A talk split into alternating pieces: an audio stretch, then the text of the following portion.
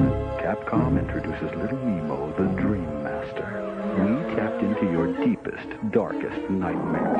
Hold on, Eddie. I think we got something. This could be it. I'm getting snakes, wasps, Wow, look at this stuff. big lip tadpoles, This kid's turned himself into a... killer bee. These kids are strange. Who dreamed up something so weird? You did. This one's riding a purple lizard. Holy smoke! Little Nemo, the Dream Master for Nintendo by Capcom. You're gonna make a game out of this?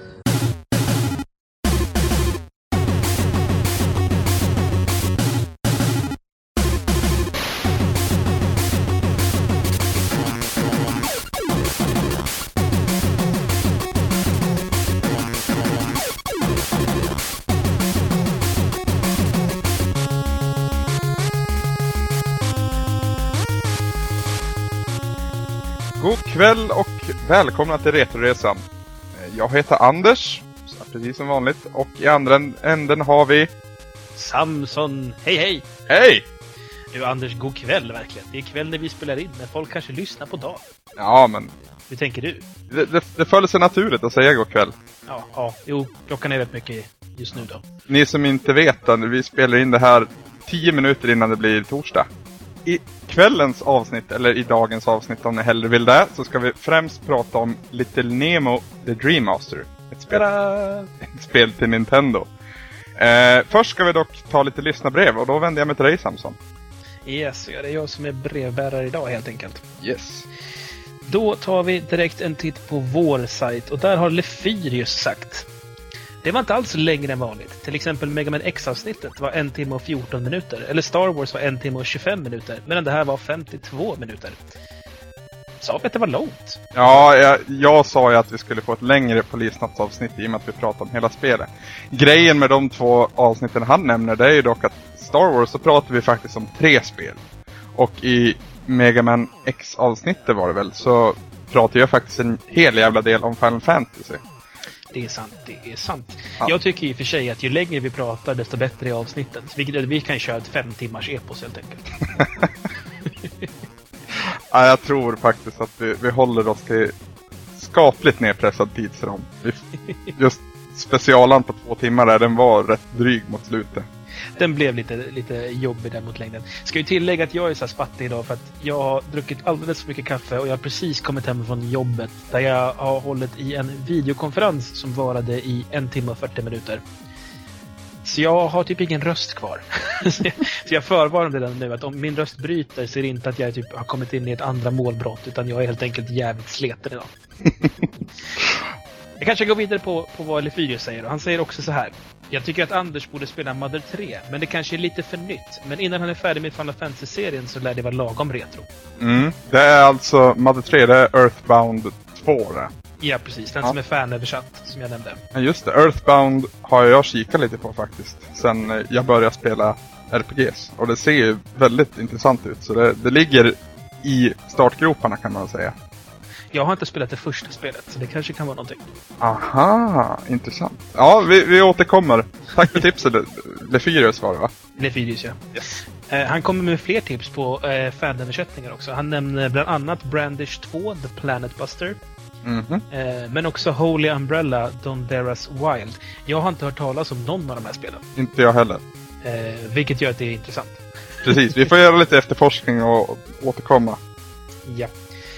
Eh, han har i och för sig inte heller spelat dem, men de verkar intressanta hälsa. Sen tycker han också att vi till jul här ska spela Christmas Nights Into Dreams. Eh, eftersom det är känt som ett riktigt härligt julspel. Är det Saturn-spel det där eller? Ja, precis. Det är julutgåvan av det ursprungliga Nights. Alright, ja det, det låter väl inte helt dumt. Jo, det tycker jag verkligen vi ska ta och klura lite på också. Eh, I och för sig så har ju jag spelat Nights. Men inte Chris- jag. Ja, men jättebra, för jag har inte spelat Christmas Nights, så det kan vi nog lösa på något vis. Ja, absolut. Sen har Björnface skrivit om ett litet tips på hur vi ska kunna avgöra det här om vem av oss som är bäst. Han säger att vi ska spela Ikari Warriors på NES och se vem som orkar spela längst utan att kasta handkontrollen i golvet. Ja, jag, kan nog utnämna dig till vinnare där på en gång. För jag, jag har vissa minnen av det här spelet och ja, mitt temperament tål inte det här spelet. Men eh, alltså, jag tycker inte det är så frustrerande. Jag tycker bara att det är långt och segt. Ja, det är väl jag vet inte. De minnen jag har, då var man ju en liten fjant också. Så då, då, då börjar man ju grina för ingenting. Ah, jag gråter inte för tv-spel. Det enda man behöver komma ihåg i det spelet är ju bara Dancing Queen och så klarar man alltihopa. Jag har faktiskt en polare som har klarat hela Ikari Warriors. Med fusk såklart, men det är en bragd ändå att orka spela igenom det här spelet. Ja, exakt. Nej, det, det känns inte aktuellt va. Det, Ja, Nej, jag, av, jag avstår gärna från det här spelet. jag vill gärna ha kul också när jag visar att jag är bättre än vad du är. Så det, ja, vi, vi får klura vidare på, på hur vi ska avgöra det där någon gång. Allting är relativt Samson, kom ihåg. Ja. Aloysius skriver på Gameplayer-tråden. Jag tänkte ta och spela samma spel som ni den här veckan. En applåd. En applåd. Ja, en applåd. Han har förstått vad det här handlar om. Han säger att det trots allt är det vi innerst inne vill. Att ha massor av lyssnare som spelar veckans spel som Oprahs Book Club fast för spel. Och det är mycket riktigt. Det är exakt precis vad vi vill. Ja, Ja, det jag- är ju lite bättre än Oprah. Framförallt större, skulle det kännas som. Nej, hon är ganska tjock nu alltså. Ja. Nej, men eh, helt klart Aloysius. Eh, i, I vår drömvärld så spelar ni lyssnare också spelen och kommer under veckans gång in med era kommentarer och synpunkter. Precis som Aloysius har gjort här. Så att jag... Eh, tummen upp för Aloysius. Eh, vad tyckte han om du- spelet då? Vad, vad, vad skrev han? Eh, Han har skrivit så här. Little Nemo så här långt. Toksnyggt för att vara ett NES-spel. Förmodligen konsolens snyggaste. Oj, Det är stora ord. verkligen. Han säger också att det är hardcore plattformssvårt. Lyckligtvis med continues. Mm. Eh, och sen så säger han också att han hatar de elaka maskrosfröna eller dvärgar som svävar omkring. Ja du, ha, äh, ja, vi ska komma in på det där sen. Ja. Eh, det är vad vi har i lyssnarbrevsväg. Men nu tar det inte slut här bara för det. Utan vi har faktiskt också fått recensioner på iTunes. Eh, och det här är jag alltid glada för. Först och främst är vi jätteglada över att jag har fått så otroligt bra betyg. Säg inte det nu, för nu kommer folk att gå in och de är inte så bra och ge oss ett. Det får jag klippa bort. Äh, låt det vara. Eh, Folk får säga vad de tycker. Vi tycker att vi är jävligt bra och vi är glada om ni också tycker det. Det som har sagts om oss i alla fall, det är först och främst är det farbror Atlas som har skrivit mysigt retrosvammel. Skönt babbel om retrospel med fina världar som kompletterar varandra på ett bra sätt. Konceptet är spännande och även om jag anser att det finns klart mer intressanta spelval än de som ibland görs är det alltid en fröjd att lyssna. Mm. Ja, det, är- det är svårt att alltid tillfredsställa alla så att säga. Det blir, det blir ju så. Och sen, sen är det ju så här att vi vet ju oftast ingenting eller väldigt lite om spelarna vi kommer spela. Och då blir det att vi kan ju sällan förutspå om, om spelet i fråga blir bra eller inte bra att spela och, och bra att snacka om.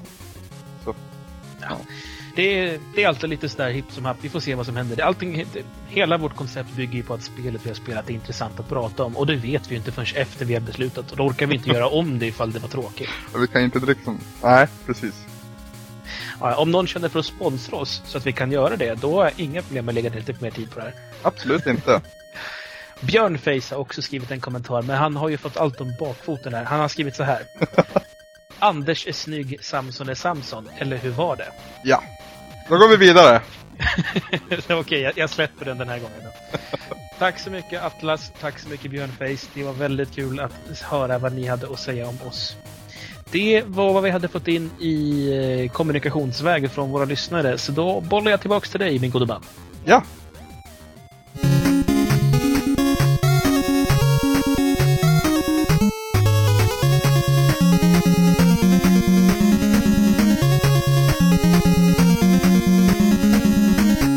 Då ska vi gå in lite på spelet då. Uh, Little Nemo, The Dream Master. Säger du Nemo eller Nemo förresten?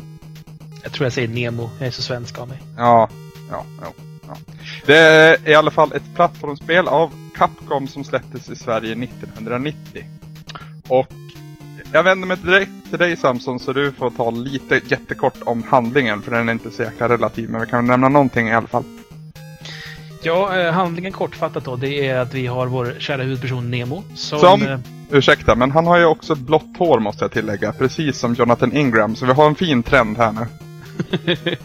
ja, eh, blått hår som gäller. Ja. Jag, har ha- jag har haft blått hår. Visst? Ja, jag också! Fan, Alltså, ja, fast det var ju inte så blått, det var ju så här svartblått. Så, du vet, så här, tufft Blink 182 blått. Jaha. Usch. Ja, ja jag, hade, jag hade en fas. Jag hade smurfblått hår. Ja, bilder krävs Samson. Du, det här var ju för fan tio år sedan. Jag tror inte jag har några bilder därifrån. Ja, fortsätt. Jag fortsätter. Ja, eh, storyn i alla fall. Det handlar om den här blåhåriga lilla Nemo som går och lägger sig för att sova. När han gör det så blir han kontaktad av prinsessan, vad hon nu heter, jag har glömt bort hennes namn, för det är inte så viktigt. Eh, hon i alla fall bjuder in honom då till Slumberland, en drömvärld som då Nemo får besöka. Det visar sig dock att det inte bara är ett artighetsbesök utan Nemo, eller Nemo, är där för att få ett uppdrag av prinsessan. Det är nämligen som så att den onde kungen av mardrömmar har kidnappat kung Morpheus, har jag för mig. Mm. Mm. Eh, Morpheus, så här rent apropå, är för övrigt den grekiska drömguden. Så det är lite så smart uttänkt. Nu bygger ju det här på en serietidning från början, så det är ju serietidningen som är smart och inte spelet egentligen, men skitsamma. Uh, uh, undrar om inte jag läste att själva spelet i sig bygger på tv-serien som bygger på serietidningen. Om det är den vägen det är på. Det kan det nog vara. Så påläste jag inte. Jag har inte riktigt läst serien heller. Jag har mest bläddrat i den just för bilderna. Grejen med tv-serien är väl att det var den mest framgångsrika som inte var Disney här för mig. I, i USA i alla fall. Jaha, ja. Ja, mer än vad jag visste. Nej, jag kan inte lova dig någonting men jag har för mig att det var någonting sånt. I korta drag så är det i alla fall storyn. Du, eh, som Nemo så ska du helt enkelt eh, besegra då eh, Mardrömskungen och befria då eh, Slumberland-kungen Morpheus. Mm. Det är inte så mycket att sätta sig in i för det är, det är när vi kommer till själva spelandet som, som det händer saker. Nemo är ju en pojke som, han har egentligen bara två förmågor när, när spelet börjar. Han kan hoppa och så kan han kasta godis. Och det här godiskastande det gör ju inte så mycket skada, eller ingen skada alls egentligen på, på fienderna. Men han kan även mata vissa djur. Och när han har matat de här djuren då kan han kontrollera dem. Egentligen ska du rida på dem. Ja, jo, men det är väl att kontrollera dem. Jo, men eh, vissa av djuren känns det inte som att man rider på utan snarare klättrar in i på Ja, ett typ. väldigt obehagligt vis. typ grodan. ja, det, det är verkligen, han- man tar på sig grodan som att det är en overall, vilket känns lite obehagligt. Mm, det finns ju en hel del olika djur. Eh, Ödlor, apor och getingar och fiskar och ja, grodor. Har du någon favorit, Samson? Jag gillar ju ödlan alltså. Det gör det? Eh, ja, alltså det, Den ser så jävla glad ut. Ja, dels det. Alltså ödlan är, är skön, plus att jag gillar konceptet att kunna klättra på väggar. Var, varje djur har alltså olika förmågor som då Nemo får ärva. Mm. Eh, jag började skriva ner en lista men jag orkade typ halvvägs. Men man kan i alla fall, grodan så kan du hoppa högt och även då hoppa på fiender. Mm. Eh, mullvaden kan gräva ner i marken. Ödlan då kan klättra på väggar som sagt. En, eh, vi har en gorilla som kan klättra och framförallt slå. Mm. Han, han verkar också jävligt skön. Ja, han- visst hade han glasögon också va? Jag tror att han bara har stora ögon. Jag vet inte. Det är lite, o- lite odefinierbart med 8-bits-grafiken ibland. Så. Eh, Eh, min man- favorit måste jag säga. Mm. Det är ju getingen, alla kategorier. Jag älskar ju att kunna flyga. Det är liksom... Vad det än gäller, allting där man kan flyga är det coolt.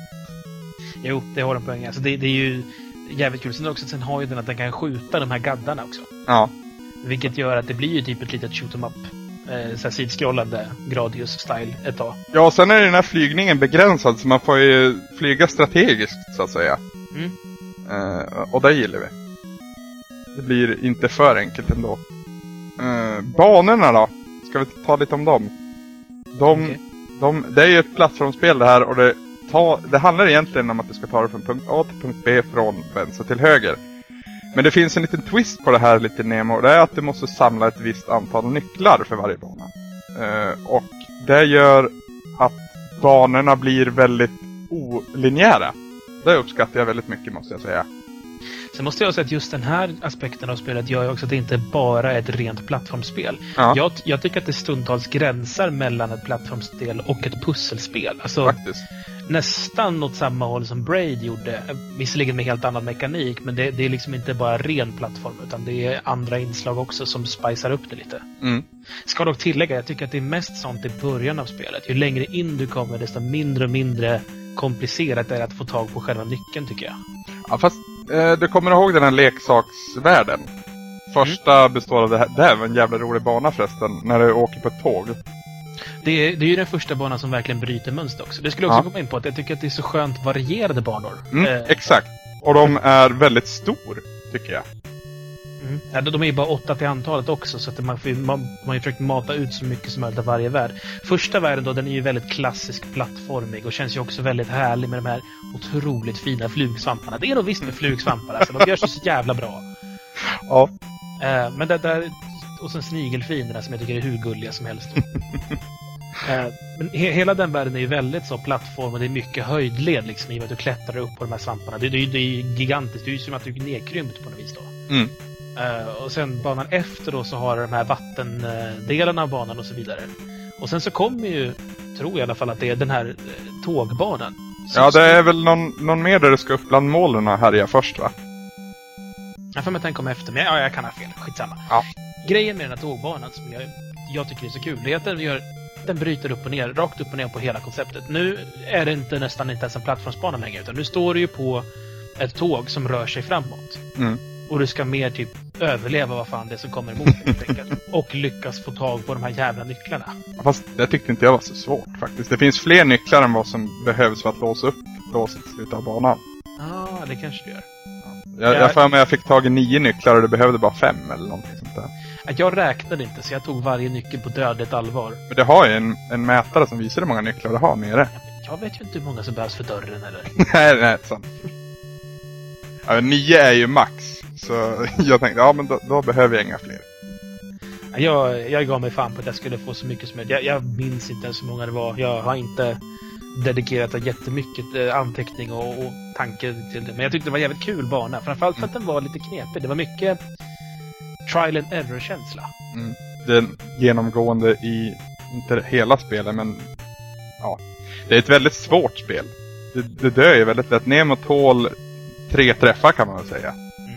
Eh, och det finns en hel del som gör skada. När, när du kontrollerar ett djur så får du lite mer hälsa. Eh, men eh, ja, man, man dör en hel del. Det känns som det är väldigt mycket trial and error. Speciellt på, på den här tågbanan när taket börjar gå upp och ner. Mm. Och de här jävla taggarna också, de är luriga för att i normalt fall då så att säga så ska du ta skada om, de, om du liksom blir träffad uppifrån eller nerifrån. Men de här jävlarna dör du av när du träffar dem i sidled också. Och det tyckte jag inte om. Det, det kändes det som att spelet fuskar mot mig och det, det är det värsta jag vet. If it's in the game, it's in the game. Ja, Nej, men jag håller ju med dig. Det, det, det är tråkigt när det, när det känns som att... Ja, som Ghost and Goblins helt enkelt. när det inte är svårt för att det är svårt, utan det är svårt för att spelet är dumt. när, när jag började spela det här och, och liksom fick första känslorna kring det så vart jag lite så här Ghost and Goblins rädd för att det är rätt mycket fiender och det är rätt mycket Ja, fr- framförallt de här jävla fienderna som, var det Aloysius som tog upp dem? Mm. Ja, jag, vet- jag vet inte vad vi ska kalla dem, men de är helt dum i huvudet i alla fall. Det är alltså någon typ av ja, maskrosfin som kommer uppifrån och är helt målsökande och de spånar hela tiden. Det är ett parti när det ska upp i ett jävla träd med den här apan i fråga. Och det, det är helt hemskt. Och jag svor så väldigt... Det, där, det är alltså som en kombination av Medusa-huvudena från Castlevania och fåglarna i Nina Guiden ungefär. Och de här eh, mystiska helikopterliknande sakerna i Mega Man X på första banan. De som kommer in svävande och sen flyger förbi och sen vänder de och flyger tillbaka. Och håller på Exakt. fram och tillbaks. Mm. Det, det är en sån här irriterande flugfiende typ. Ja, alltså jag har ju generellt sett problem med fiender som flyger. Fåglar framförallt, men ja, det, det grundas väl i första träffen med sådana här fiender. Det var ju Nina Guiden back in the day. Mm, de fåglarna är helt jävla otroliga. Ja. De fienderna har ju en förmåga att kunna spåna om och om igen om man står på fel ställe så att säga. Och det, det finns lite sådana inslag i det här spelet också. Framförallt när det gäller just de här maskrosorna. Jag skulle säga att jag gillar ändå de här maskrosorna. Inte för hur de är som fiender, utan bara baserat helt och hållet på hur de ser ut. Och de ser ju ond ut. Ja, men först och främst är jag barnsligt förtjust i såna mask, maskrosskott. Såna här du vet, som man blåser omkring i vinden. Jag tycker det är någonting väldigt förtjusande. Det är som såpbubblor fast på naturligt. Eh, jag gillar dem som fan. Plus att det här lilla huvudet som är på dem. Mm. Det ser ju precis ut som Jack Skellington från Nightmare Before Christmas. Ja, faktiskt. Och jag vet inte, jag blev lite glad varje gång jag såg dem, även fast jag ganska ofta dog då. Mm. så, så det liksom hjälpte lite mot den här irritationen av att fan vad jobbiga de är. Så, ja men de är rätt söta trots att de är jävligt jobbiga. De är som dagisbarn ungefär. De, de finns ju med hela jävla tiden också. De finns ju på varenda jävla bana. Jag vet inte om de finns på första kanske, men eh, rätt tidigt så dyker de upp och de finns med spelet igenom. Och när du springer i sidled, du måste liksom stanna upp och vänta tills de har låst sig på dig innan du kan springa vidare. För annars springer de efter, eller följer de efter och de, de, de ger sig aldrig. De träffar det och jag blir så arg. ah, nu skiter vi där, nu går vi vidare. Jag vill inte tänka på dem något mer. Presentationsmässigt då Samson, uh, eh, håller vi med Aloysius? Jag skulle inte säga att det är bland det snyggaste till NES, men det ligger högt i rang i alla fall. Inte bland, eh, bland det snyggaste kan jag hålla med, men inte det absolut snyggaste. Jag, jag säger att det, håll- det håller samma höga Capcom-standard som vi är vana vid. Mm. Eh, när det verkligen glimtar till dock. När, alltså de, det finns sekvenser som är rent ut sagt ganska tråkiga grafikmässigt. Framförallt slutet. Eh, ja, med ett undantag. När du kommer in på Nightmare-banorna. Ja. bana, bana 8 där. Ja, När du börjar möta de här bossarna. ja. Bakgrunden där som glimmar till hela tiden. Ja, just det. Den är för jävla snygg alltså. Ja, och så li, lika innan du ska möta sista bossen också. Eller vänta, det är, mö- det är en annan boss du möter då kanske. Den här flygande äcklet. Skitsamma, man ser ju den här Nightmare-kungen i bakgrunden då. Mm. Det är också jävligt snyggt. Måste. Ja. Rent, rent grafiskt tycker jag att det... Sen så tycker jag... Alltså det som är snyggt är, är ju bakgrunderna och eh, i vissa fall plattformarna man står på. Flugsvamparna har jag redan nämnt till exempel, tyckte jag var assnygga. Sen så är det rätt så mycket som känns lite bland. Alltså vatteneffekterna gör de ingenting av, mer eller mindre. Eh, när man är inne i den här lilaaktiga grottan så var det ju så att jag nästan höll på att spy för det var såg så tråkigt ut. så att det, det är så väldigt varierat i när det liksom är någonting vettigt och när det bara är där för typ utfyllnad. Ja, Så fast jag, jag fick aldrig sådana känslor. Det var, det var snarare att det liksom, för det mesta var det okej och ibland så sken det till och vart riktigt jäkla nice. Så det pendlade mellan okej och riktigt bra. Det var aldrig nere på någonting negativt. Ja, okej, men då skiljer vi oss lite där då. Musikmässigt är det ju ännu bättre. Tycker jag. Uh, framförallt första banan, där sätter sig på en gång. Och sen har vi några spår som kanske ja, dimper lite i kvalitet. Men generellt så tycker jag det är riktigt bra musik också. Och det hjälper ju de här, den här tråkiga, ibland tråkiga presentationen. Alltså jag tycker att musiken är väldigt stämningsfull på ett så här härligt naivt sätt. För det är ju, det är ju liksom en barn, barnvänlig, inte barnvänlig men det, det är en saga som är liksom väldigt så mysig och lummig på något vis. Mm. Eh, och, och det är ju väldigt passande musik för det. Jag tycker att den kan bli lite väl repetitiv. Alltså det är för korta slingor på något Mm. vis. Så att den upprepas. Ja, och sen så är de, de är ganska... Alltså de, är- de är melodiöst hyfsade liksom, och, och fina och så, men de är liksom inte arrangemangmässigt några mästerverk direkt. Alltså Capcom brukar kunna bättre. Det känns lite platt ibland. Jag vill, jag vill ha lite mer bas och lite stick och lite... Lite mer Megaman helt enkelt. För att vara lite krass, ja. Men, men det, det är liksom, det finns en viss... De går liksom på så här halvfart hela tiden. Det, det blir aldrig liksom något brott i det. Det blir aldrig något stick. Det blir aldrig något så här, nu kör vi, öser vi på med trummorna på något vis. Utan det är liksom... Det maler på på sitt lilla vis. Och det funkar, men det, det är inte så mycket mer än funkar för mig i alla fall. Okej. Nej, jag, jag tycker mer om det än, än så. Men ja, det, det, det skiljer lite, oss lite åt. Uh, ja, bossar nämnde vi. Det är ju sista tredjedelen av spelet kan man säga som man först får börja möta bossar. Och då är, handlar det inte längre om att samla nycklar utan då blir du ju given en stav av något slag. Eller en, en trollstav kan man säga. En morgonstjärna. En morgonstjärna. Titta. Eh, som, du, som du faktiskt kan attackera med. Eh, och det ändrar ju lite i gameplayet. På, på gott och ont ska jag säga. Du börjar ju spela det på ett annat sätt. Men, eh, och då, det är väl tre bossar totalt va? Ja, först är det pingvinen. Mm. Eh, och sen så är det den här fågelliknande Ja, saken. flygande manet skulle jag kalla det. Ja, ja i och för sig pingvinen är ju tekniskt sett också Förbannat jävla enkel boss. Alltså, överlag tycker jag att bossarna inte var så jättemycket att hurra för. Inte ens eh, sista snubben heller. Nej. Nej. Där jättemycket att hurra för. Så det, det känns lite så... halv... Det var ganska skönt i och för sig med tanke på att spelet tar ganska många liv av mig. Mm. Och då var det rätt skönt att känna att jag kunde ta bossarna. Att vara så här, ja men det känns bra ändå att det är världen som är svår och inte bossen. För det är så tråkigt när, när, när det är liksom ojämnt åt, åt andra hållet där. När man har det tvärtom så att säga. Mm. Beträffande svårighetsgraden så tycker jag inte att den stiger vidare i det här spelet. Utan den ligger högt och så ligger den på ungefär samma nivå spelet igenom. Jag tycker inte att det blir så mycket svårare mot slutet så att säga. Nej, men så, så det, det jag tycker är svårt i början är ju inte plattformsmomenten egentligen. Det jag tycker är svårt i början, det är ju... Ja, svårt och svårt är fel att säga, men det kan vara liksom lite klurigt tänkande som behövs för att ha rätt djur på rätt plats. Och det är liksom den sortens svårighetsgrad mer än, mer än liksom plattformshoppen och att undvika fiender. Och Mm. det tycker jag armas ut mer och mer. Det blir, handlar mer och mer om precision ju närmare slutet du kommer. En sak jag störde mig på måste jag bara nämna. När man, man kan ju rida på en råtta och då får man tillgång till en klubba. Som man kan slå sönder väggar med. Det tyckte jag inte fungerar alls. För grejen är att du slår, du slår av, ja, vad säger man, hälften av stenblocken. Och då måste du hoppa och slå samtidigt. Och jag hamnade på ett parti, naturligtvis var de här jävla maskrosorna inblandade också. Där jag var tvungen att liksom hoppslå för att ta mig vidare och så konstant eh, akta mig för de här jävla maskrosorna. Och jag dog ett par gånger där. Alltså det, knepet där och det är ju att man... Eh, all, allting kommer ju... Alltså det är som legobitar så är det liksom fyror så att säga. Mm.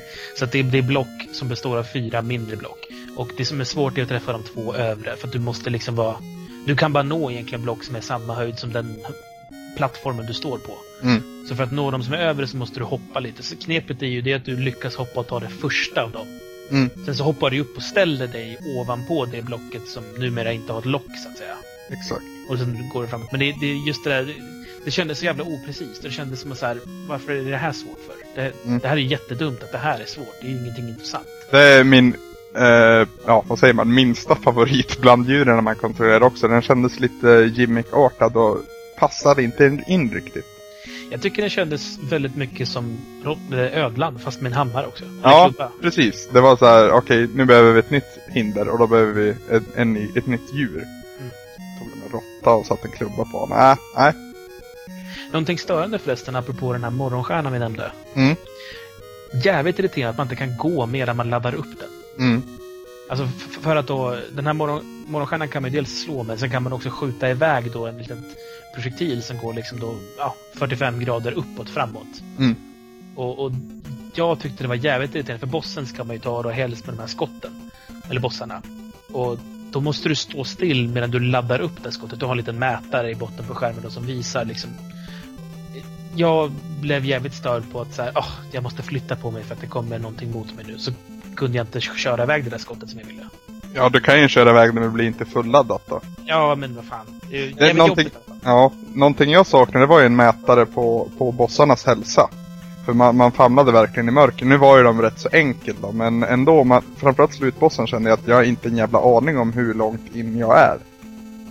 Hur tycker du kontrollen är i spelet? Jag tycker att den funkar. Alltså Nemo utan någon typ av djurkraft så att säga. Han rör sig jävligt segt och så, men hopperna funkar som de ska. Det känns aldrig, jag känner mig aldrig liksom lurad på något vis. Eller att det var någon annan spel än mitt, att jag dog. Jag, jag tycker att det finns en liten... eh, det finns en liten ett fel någonstans i designen här, tycker jag.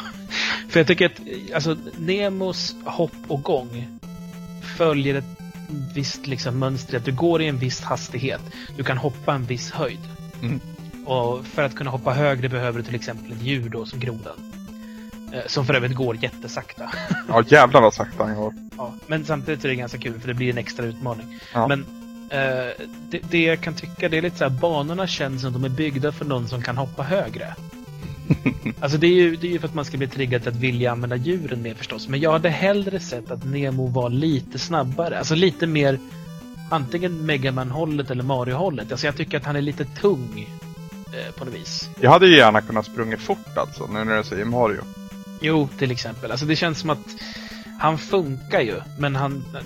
Man hade, det hade varit en mer njutbart spel om man istället hade fått lite mer fart, kanske hoppa lite högre. För att man är precis för kort ibland. Och då är det så här, det är inte precis för kort som är att så här, aha, här behöver jag ha en groda. Utan det är precis för kort som är att så här, Det här Miss- borde jag klara. Ja, det är lite så här, missade jag hoppet nu? Är det värt att försöka en gång till eller ska jag gå och leta upp ett djur? Mm. Och det, som sagt, det, man dör ju rätt ofta ändå, så det man, ja, jag förstår hur du menar. Så måste jag säga också, jag tycker att de här pusselmomenten som jag nämnde, de tycker jag är roligare än plattformsmomenten. Mm.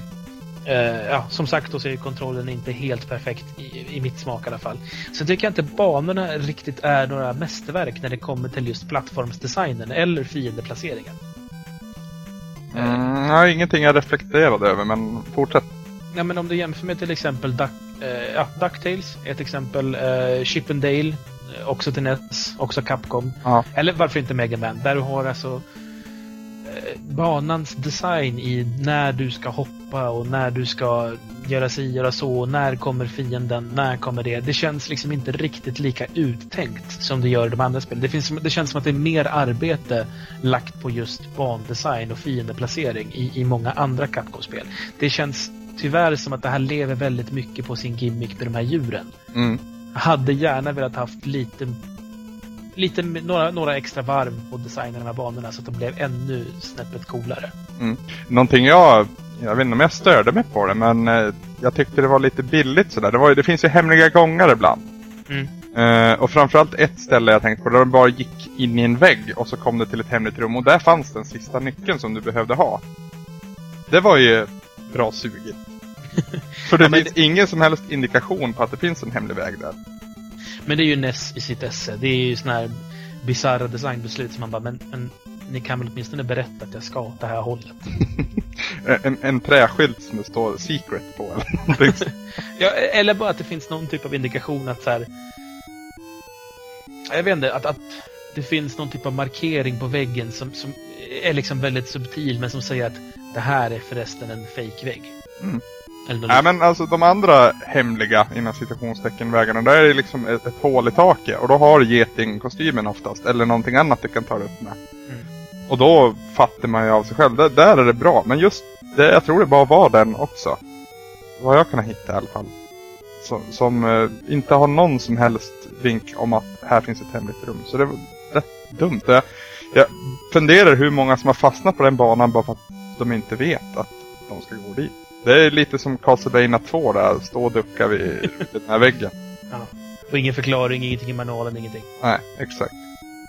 Men alltså trots de här, ja, som jag kallar det, bristerna i, i bandesign, i kontroll och så vidare, så tycker jag att det absolut bästa tillfället i spelet, det bästa liksom gameplaymässiga, det mest roliga spelmomentet, det är ju när man faller ner från den här eh, ja, Cloud Ruins.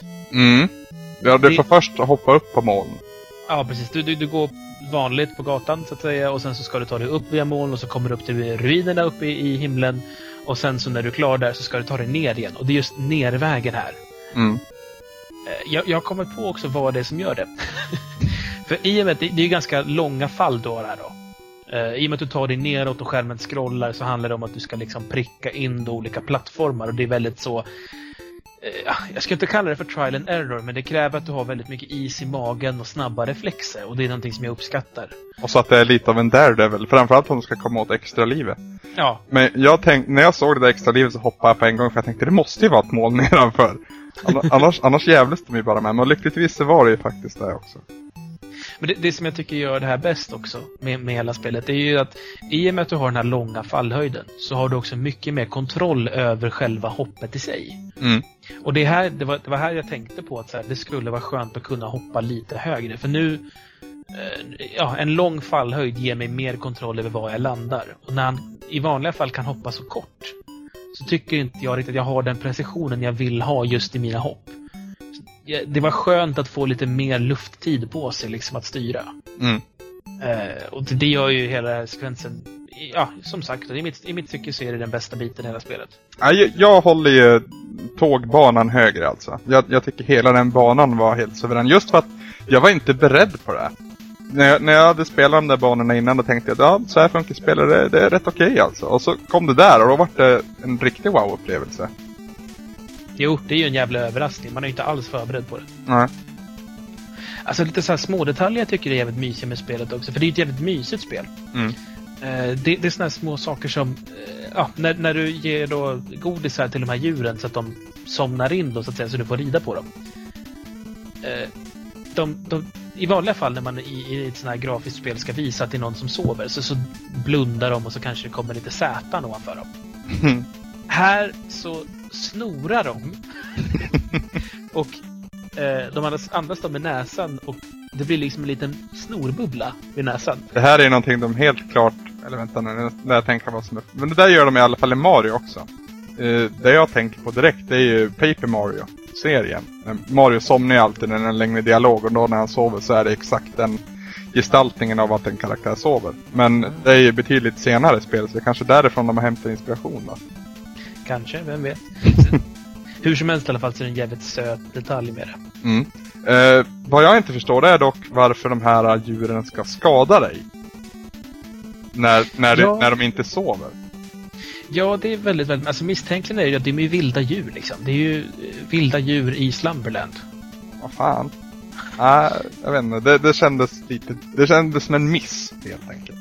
Det borde inte vara så egentligen, men de orkar inte bry sig. Jag tror att det nog kan vara rätt. Men sen så är det, det är några andra små detaljer som jag har tänkt på. Det är alltså... De första banorna är, är ju inbjuden till Slumberland av prinsessan av Slumberland. Mm. Vad är det jag egentligen gör där? Alltså, det, det visar ju sig att hon senare har ett uppdrag åt mig. Är jag på något slags så prov först?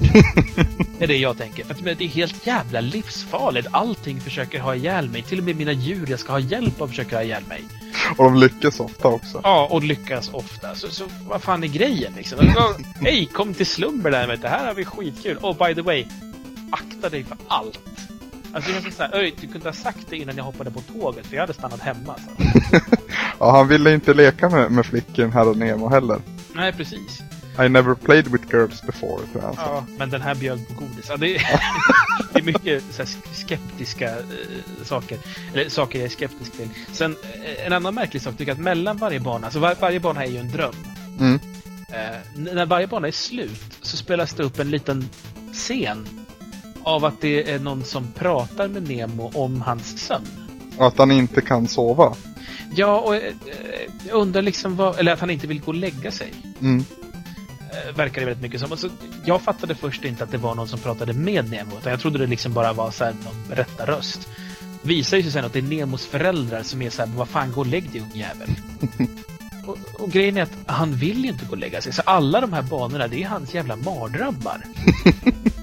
Men Alltså som jag tänkte så var det snarare att Nemo gick i sömnen när, när han spelade de här banorna.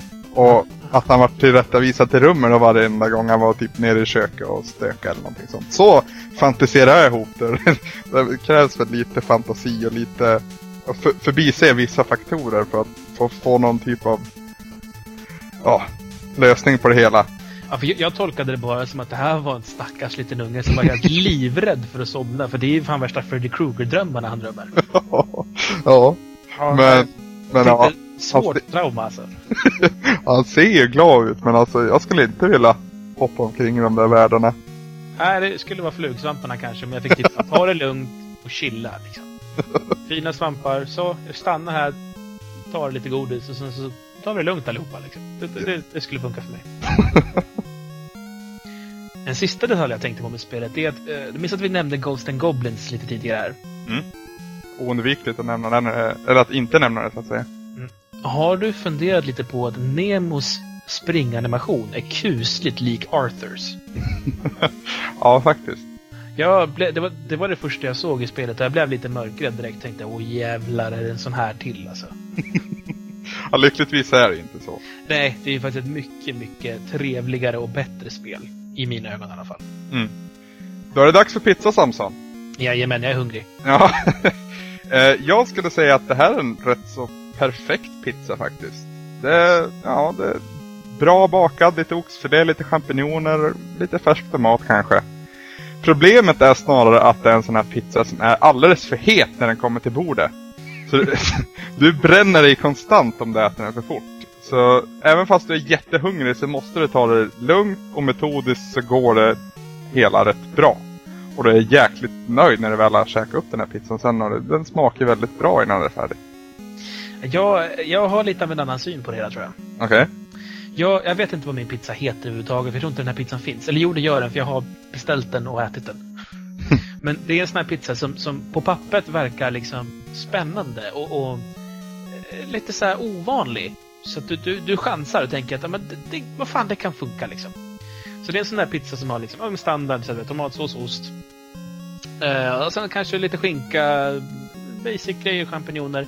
Men sen så för att liksom spice upp där så, så, så är det sardeller på.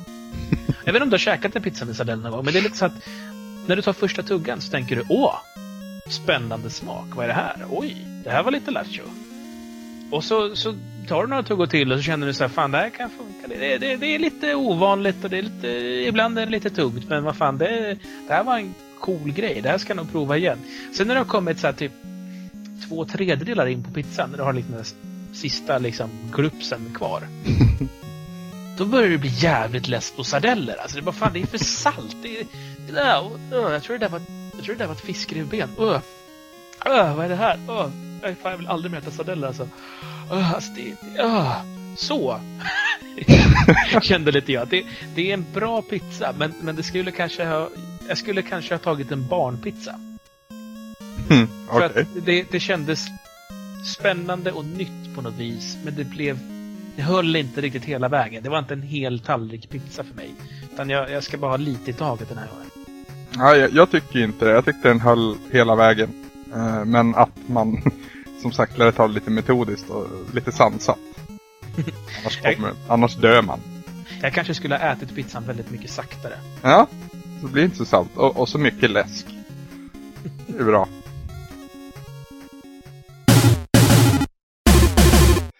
Då så Samson, då, då lämnar vi lite Nemo och går vidare. Och vi har pratat ett tag nu så nu tycker jag det är dags för en liten musikpaus igen. Eh, den här gången ska vi lyssna på en herre som kallar sig, eller han heter väl, Ronald Jenkins, tror jag han uttalar det namnet. Och den här låten vi ska lyssna på då, eh, det är ingen egentligen spelrelaterad låt, men när man hör den så tycker jag det ekar riktigt mycket tv-spel, riktigt mycket retro. Så jag tänkte jag slänger med den här ändå. Och så lägger vi som vanligt upp en, ett, en länk på hemsidan till ett YouTube-klipp. Låten heter i alla fall eh, Throwing Fire och vi kör den nu.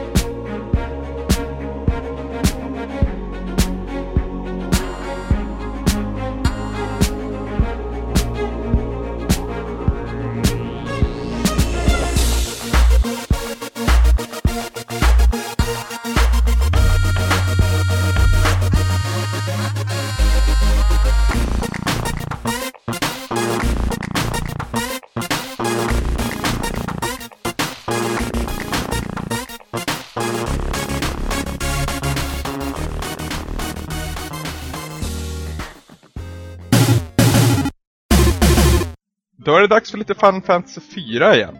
Eh, senast fick ni ingenting så nu blir det ju extra mycket den här gången igen. Jag håller trenden på varannat avsnitt. Jag vet inte om det är någonting jag ska fortsätta med. Kör så. Allting beror ju på hur mycket du har hunnit med att spela. Så vi, Ja. När du har tillräckligt mycket för att ta upp det, då kör vi det. Exakt. Eh, det jag lämnade senast, det var i alla fall mitt i en öken. Eh, mitt skepp blev attackerad av, jag vänder mig till dig igen Samson.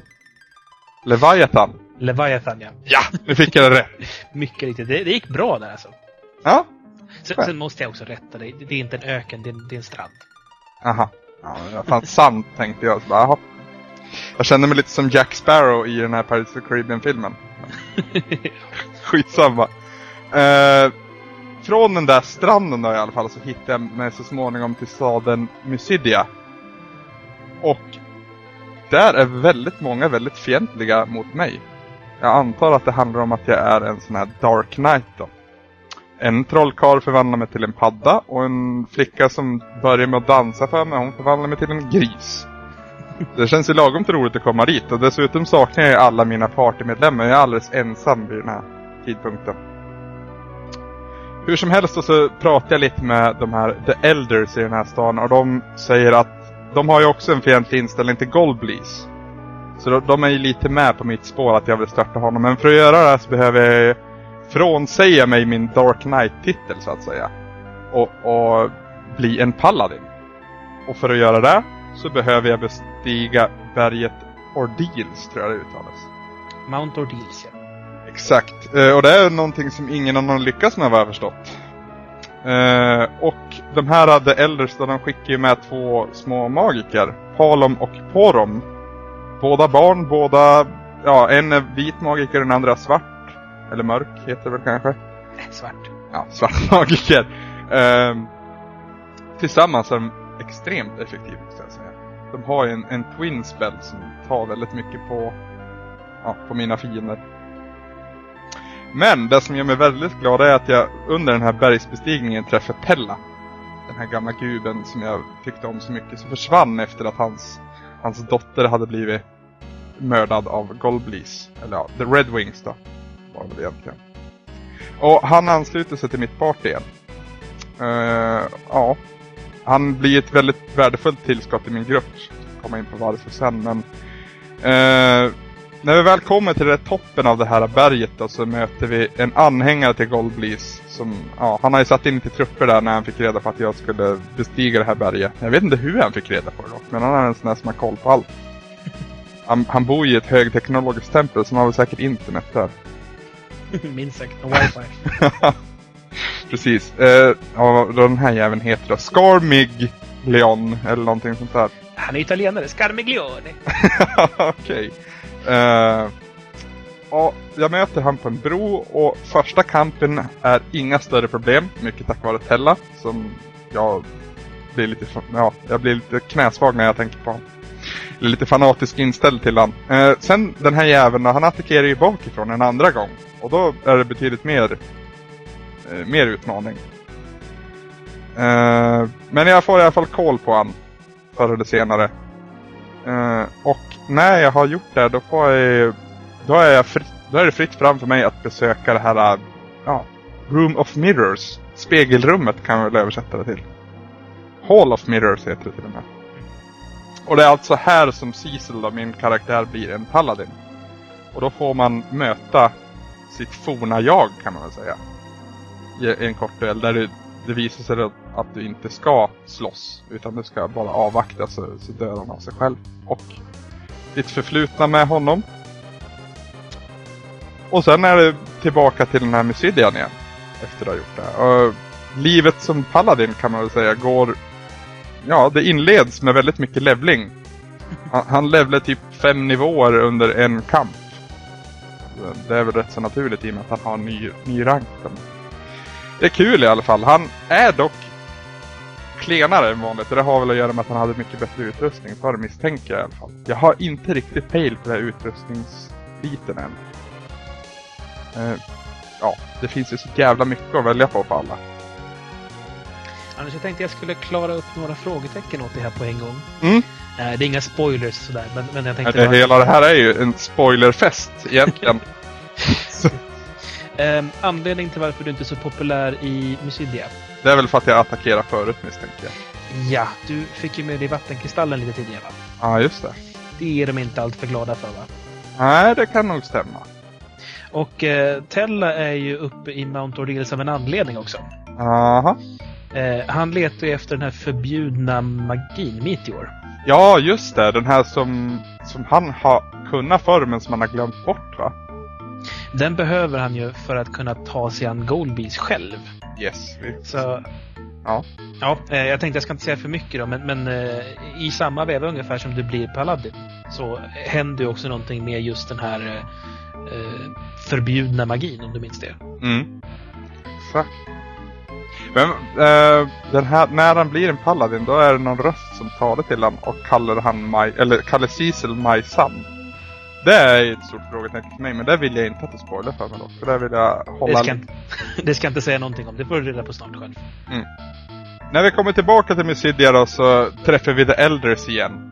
Och eh, de berättar att det finns en hemlig väg. Djävulens väg tror jag den kallas. Från Mysidia tillbaka till Baron. Och det är dit vi behöver ta oss för att träffa Sid. Som är, ja, vad säger man, luftskeppsreparatör eller någonting i den stilen. Han är väl mekaniker kan man säga. Eh, och när vi kommer till Baron får vi reda på att Sid har blivit fängslad eftersom han har talat emot kungen. Och på ett in eller på ett värdshus då så möter vi min gamle kamrat Yang igen. Och han är också fientligt inställd mot mig nu. Jag måste smacka upp honom lite för att han ska förstå vad som händer. Han är alltså under en spell då, men efter man har besegrat han och hans hejdukar så, alltså, så ansluter han sig också. Och sen kommer vi in i slottet tack vare en nyckel som Yang besitter. Och när vi väl kommer in så träffar vi Began tror jag han kallas. Alltså, han är alltså kommandör av vakterna. Och han vill också ansluta sig till mitt party och redan här så börjar jag ana någonting för jag har alltså fem partymedlemmar nu och det är max. Och ändå så får han gå med men han är ju bara med en kort sekund innan Palom avslöjar honom som en fiende och han blir ännu en boss. När vi väl har besegrat Baigen då, eller Began eller hur man säger, så eh, kommer vi in och får träffa det som vi tror är kungen men det visar sig så att han istället är kejsaren av vatten. Och då vänder jag mig till italienkunniga här igen. Cagnazzo! Ja, exakt. Det här var en riktigt svår bossfight måste jag säga. Eh, men jag, jag klarade mig än en gång tack vare Tella. Men de här uh, Pallam och, och Porom, de, de faller nästan på en gång. De tål ju hemskt lite i och med att de är barn. Och den här uh, bossen har en, en spell som påverkar alla och tar rätt mycket skada. Efter den här fighten så berättar Sid att det finns ett luftskepp gömt i Baron och vi ska springa dit. Men vi springer istället rakt in i en fälla hildrad av Goldblees. Och ja, en klassisk scen där två väggar krymper mot varandra mindre och mindre. Det blir tvillingarna Pallom och Porron som offrar sig och räddar oss när de förstenar sig själva för att stoppa upp den här fällan. Och ja, jag är oerhört tacksam. Ska också tillägga en till sak här. Jag avbryter det mycket. Ja men det, det är jättebra. Nu börjar vi komma in på sånt som jag kommer ihåg nämligen. Ja. eh, jo, de här två eh, pizzorna jag pratade om. Cagnazzo och Scarmiglione. De har väl att göra med kristallerna som Goldblees besitter. Delvis ja. Det, är Okej. här, det finns ju, eh, de är ju så kallade archfiends de här. Mhm. Eh, det finns fyra archfiends. Och vad finns det mer av som det finns fyra av? Element. Kristaller. Ja, jo men kristallerna är ju knutna till element. Precis, och Scarmiglione är ju den första archfiend, eller Cagnazzo är den andra. Mm. Nu ska inte jag säga något mer, men du kan nog räkna ut hur många siffror det är kvar i den här beräkningen. Mm. Ja, jag ville bara påpeka det, så att du inte missar det här med archfiends, för det, det har en viss betydelse. Ja, det är ingen fara. Jag tror jag har rätt mycket koll faktiskt. Jag har ju kommit en bit längre och vi ska fortsätta. Du hade precis blivit räddad av Palom och Poro. Yes, och vi var på väg till luftskeppet då. Uh, luftskeppet som heter Enterprise. Star Trek-referens. och så fort vi, vi kommer upp i luften då så möts vi av Red Wings. Som fortfarande leds av min gamla vän Kane. Och han berättar då att Goldblees håller Rosa fången. Det är alltså min gamla kärlek Rosa vi pratar om. Och han är beredd att göra ett byte. Om jag får tag i den sista kristallen, alltså jordkristallen då. Eller ja, The Crystal of Earth heter det väl. Så, så ska han släppa Rosa fri. Och den här kristallen den vaktas av en mörk alv i en grotta inte så långt härifrån. Uh, grejen med den här grottan är dock att det skyddas av ett uh, mystiskt magnetiskt fält. Uh, och ja, den här alven är ju svag emot metalliska vapen. Så det är just därför han har satt upp det här fältet. Så att när jag kommer in i den här grottan så småningom då så visar det sig att, ja. Cecil kan ju inte använda sitt svärd bland annat. Tella har en annan metalliskt på sig så han blir också väldigt svag. Så det blir i princip Young som sköter den första striden innan jag fattar vad det är jag ska plocka bort från, ja, från mina karaktärer. Och då blir de ju väldigt svag istället. Så den här grottan är mitt första riktiga, ja, min riktiga kulle så att säga. Där jag stöter på riktiga problem och dör ett par gånger. Lyckligtvis så finns det ju, ja, savepunkter säger jag väl då, i och med att jag pratar med dig. Eh, I den här, ja, på två olika ställen tror jag i de här grottorna. Så jag, jag behöver inte börja, jag behöver inte göra om så väldigt mycket. Eh, så småningom möter jag den här alven, den här mörka alven ska jag säga. Eh, och jag får fetpisk helt enkelt. Men!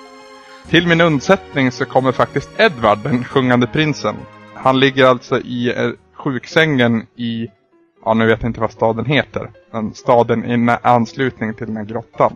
Troja. Heter den så? Ja, fast med i. Aha, jag förstår. Ja, ja. Han börjar i alla fall spela en melodi som via en item jag har också spelas upp i den här grottan. Och den här melodin den löser upp den här ja, metalliska spällen säger vi. Så då får jag en till chans mot den här alven och då får ju han ståpisk istället för mitt svärd är almighty. Det är alltså ett nytt svärd ska vi säga som jag fick i den här, när jag blev en paladin. Sen får vi då, då tag på den här kristallen när alven är besegrad. Och det är dags att besöka Golblis. Uh, och hans slott då, som jag nämnde tidigare heter The Tower of Sot. Och det är ett högteknologiskt slott. Uh. även här får jag problem kan jag säga. Det är mycket fiender, de är väldigt luriga, de gör mycket skada. Och framförallt tror jag det har att göra med att jag har väldigt Ja, jag har väldigt dålig koll på vilken utrustning jag ska ha, vilken, vilka items jag ska köpa och så. Och det är även här jag börjar få totalt jättefullt med items och måste slänga bort en massa saker. Jag har ju senare då fått liksom ja, fått för mig, eller jag, jag har förstått att man kan lägga undan items och föremål på sådana här, ja vad heter de här djuren? Du menar chokladfåglarna? Ja, men typ. Det, det här, det, om detta tvistar de lärda. Jag har alltid sagt chocobo. Ja. Jag har hört människor säga kokobo och jag blir lite irriterad. så så jag, jag säger kort och gott att det är chocobo och chocobos. Om, om man tar pratar om det i plural. Eh, du har väl också tidigare, eh, när du var på väg in i den här grottan som, som den här eh, mörkalven fanns i, Mm. eh, fått stöta på en svart chocobo. Mm, exakt. För att ta mig dit. För att den här grottan befinner sig på en ö. Och för att ta mig dit så, jag kan inte landa med luftskeppet i skogen utan de här chocobora säger vi. Det är de som man måste använda för att flyga dit och landa i skogen. Du ska också tillägga det på en gång. Det- Det här är ju ditt första Final Fantasy-spel. Mm. Chocobos är ett återkommande tema i alla Final Fantasy-spel nästan. Mm. Eh, det tänkte jag fråga dig också. Sid är väl också någon som finns med lite här och där va? Ja, han är med i... Eh, jag minns inte hur det är med de tidigare spelen, men han är ju med i det här då. Han är med i alla spel därefter, vad jag vet i alla fall. Okej. Ja. ja, det tycker jag om. Jag, jag gillar han. Han är en väldigt enkel man och han har ett extremt charmigt leende. Det är inte alltid samma Sid ska jag säga, utan det är oftast namnet Sid som följer med. Okej. Då ska vi se, vart var vi? Eh, ja, när jag har tagit mig igenom det här högteknologiska slottet så träffar jag på tre systrar. En fet, en lång och en kort. och de, det är väl någon typ av boss det också. Eh, och det jag kom underfund med under den här striden det är att jag måste ta den långa först för att hon återkallar de andra systrarna annars när jag besegrar dem först. Lyckligtvis och tack vare det här jobbiga partiet när, när jag åter och åter dör, både i grottan och i det här slottet, så har jag levlat upp mina karaktärer. För när jag spelar med de, ja, vad säger jag, oddsen jag spelar med, så får jag extremt mycket XP ibland när jag överlever striderna. Så det här gynnar ju mig i det långa loppet, så att jag har inga som helst problem alls. Det har varit en väldigt konstig mening, men jag har inga problem alls med de här äh, systrarna. Och, ja, snart är de död och då får jag äntligen möta Golblis då. Inte helt oväntat så visar det sig att han har inga som helst intentioner på att släppa Rosa fri. Eh, efter lite dialog så förlorar ju Tella kontrollen av sig själv, eller ja, Sunset då så att säga. Och eh, han börjar attackera Goldbleeze. Och då använder den den här eh, meteorattacken som du pratade om. Eh, och den gör ju extremt mycket skada, 9999 tror jag det visar. Men det innebär ju också att Tella dör. Faktiskt. Han, han eh, offrar sig själv för att hämnas sin dotter, säger han. Goldbleeze lyckas dock fly men han är påtagligt skadad av Tellas attack. Och hans kontroll över Kane löses i denna stund upp och Kane ja, vaknar till sitt riktiga jag så att säga. Eh, han berättar att Rosa är i fara och vi skyndar oss in i det andra rummet och hinner precis rädda henne. Så både Kane och Rosa ansluter sig vid den här tidpunkten till mitt party. Och kort därefter så möter jag den här ja, luftkejsaren då. Eller vindkejsaren. Eh, ja, än en gång Samson. Barbaritia. Nej. Va? Är det inte den du tänker på? Valvalicia. Valvalicia. Jaha. Ja, jag har spelat en annan översättning, men det är samma person. Det är, det är nästa ärkefiende, Archfiend. Okej, ja. Exakt. Eh, besegrar henne ganska enkelt, mycket tack vare Kanes hoppattack som löser upp hennes primära skydd då, som är vind.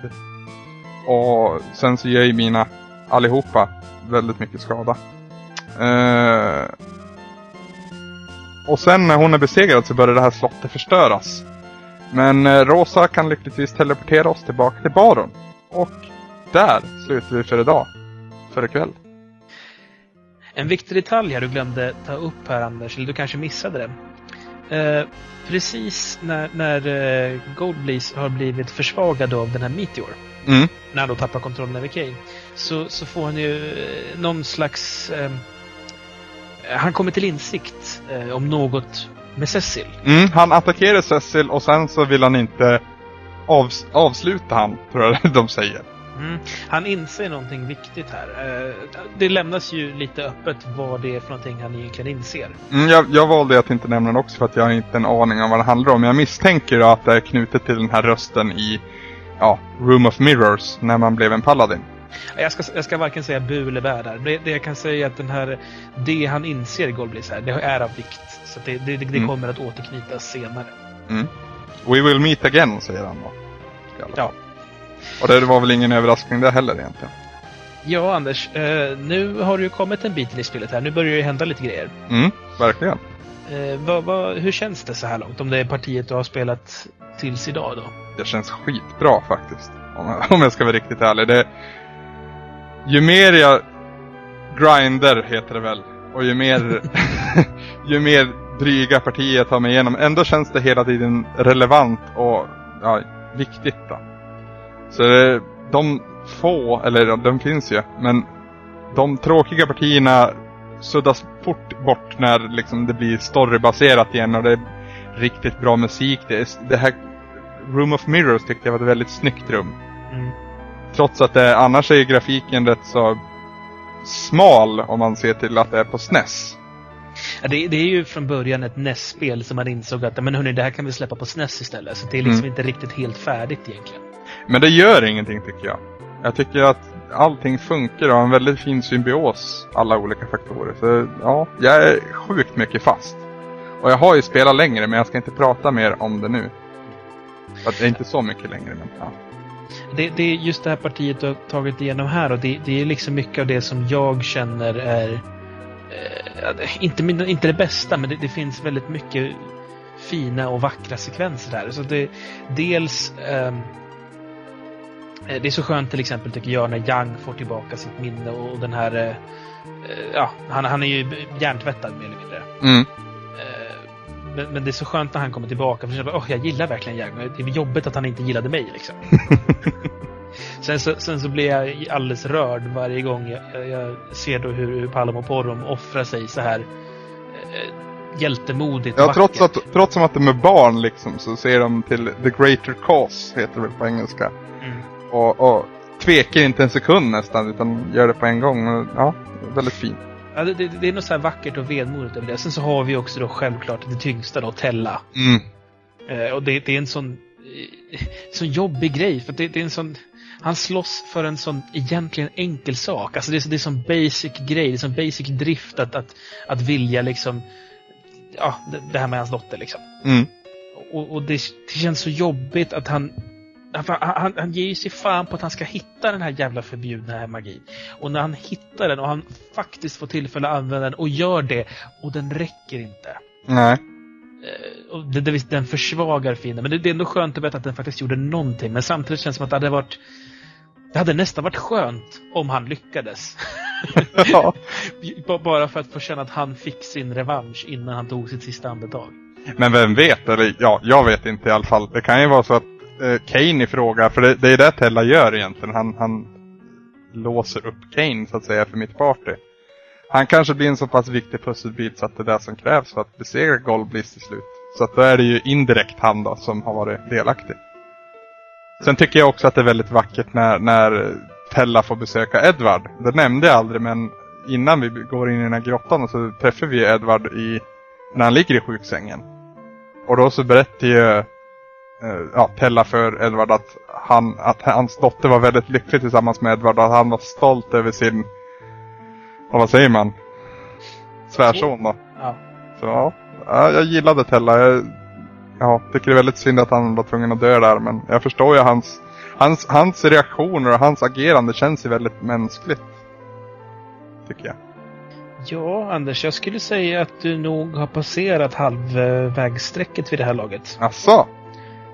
Eh, Ja, alltså det, det är ju mycket kvar förstås. Det är Ja, ju ett kort spel på något sätt. Men eh, du eh, har tagit dig hyfsat långt nu. Mm. Jag måste börja lära mig de här ja, rustningar, items och sånt för... Åh, det är många gånger. Efter jag varit Paladin så har ju framförallt Cecil varit väldigt... Ja, han, han tål inte så mycket stryk. Det har väl också att göra med att min level kanske inte är där den borde ligga. Men ja, jag vet. Jag kommer inte ihåg vilken level exakt det ligger på nu heller. Men jag måste bli lite starkare framförallt försvarsmässigt. För, för attacker är inga problem. Men i, i i just det här slottet så fanns det en, en typ av fiende som, kast, eller som kastade en eld, en fire spell då säger vi, på, på alla mina partmedlemmar. Och den, den tog ju över 200 på varenda en nästan. Och det, det svider ju, framförallt när, när de här ja, magikerna är inte lika kapabla till att skydda så har inte lika mycket HP. Så de, de, då blir det att man får heala sig själv hela tiden. Men där jag befinner mig nu då ska jag säga, där tycker jag att jag har en extremt fin balans i, i mitt party. Där jag har, jag har Young och så har jag Cecil och Kane liksom i min främre rad som sköter de tre första attackerna och sen har jag då Rosa och en till som vi inte ska gå in på då, men som, som har de här magiska attackerna. Så det gillar vi.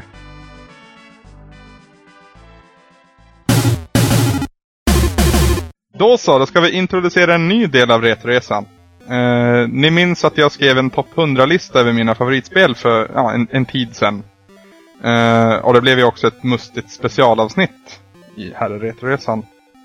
Lille Samson ville inte vara sämre så nu har han också skrivit en topp 100-lista. Han, var- han vart väl lite avundsjuk när det var mycket jag som pratade. Vi tänker inte gå samma väg den här gången utan istället tänkte vi dela upp det på ja, tio olika avsnitt helt enkelt och ta tio spel i taget. Och vi kan väl säga det också att när det här avsnittet ligger ute så finns det också ett blogginlägg knutet till den här listan. Om ni klickar in på gameplay.se. Där Samson faktiskt har blivit skribent ska vi också nämna. Så vi gratulerar dig Samson. Tack, tack. Det var väldigt svårt att säga. Ja, men okej, jag kan göra det. Nej, men för, för att försvara mig lite här, din, din hånfulla ton, så, så ska jag tillägga att jag, jag var ju mer än, mer än lovligt irriterande mot dig när du presenterade din lista. Eh, dels för att det är kul att vara elak, men Det är, väl dels, lite, det är väl lite din grej. ja, det är lite min grej. Jag Jag är ju lite, liksom hatradion. Det, ja, men jag, jag är lite sådär osäker och då, då är man ju otrevlig för att det ska passa bättre. Det, det har vi sett online hur, folk, hur, så, hur saker sånt funkar. precis. Men, så här är det då. I och med att jag var på det sättet när du presenterade din lista, så har ju väldigt många av våra lyssnare sagt Jaha, vad har du för topp 100 då? Så att de ska kunna få göra samma grej mot mig. Så Så då att känner jag ska att kunna vara lite elak mot dig också kanske. dels det, plus att nu har jag våra lyssnare chansen att säga bara, men fan är du dum i huvudet? Hur kan du sätta det där spelet på den positionen? Så nu öppnar jag upp här. Jag, jag är eran Jesus, jag offrar mig. Säg vad ni vill och klaga hur mycket ni vill. Jag tål det. Jag, jag gör det här för era synder. Ska vi ta en titt på listan kanske? Det tycker jag. Plats 100 har du placerat Pocky och Rocky till SNES. Jajamän. Vad har du att säga om det? Ja, alltså, japaner, det, de är ju märkliga va? Aha. Eh, däremot så är de ju också samtidigt underbara i sin märklighet. Mm. Och det här har aldrig varit så klart och så underbart tydligt som i just Pocky och Rocky. Är inte Pocky och Rocky ett av de här spelen som bara vill glömma bort att de fanns? Nej, det är ett asbra spel. Alltså, det, kort sagt så är det en sidskrollande äventyrs-shooter typ. Mhm. Eh, Det är en fullständigt galen story, det är en fullständigt galen stil, grafiken är överallt och ingenstans samtidigt. Musiken är helt hysterisk och samtidigt märklig och det, det är liksom, om du tänker dig nidbilden av så här Japan och det här överdrivna som finns med, med, med Japan.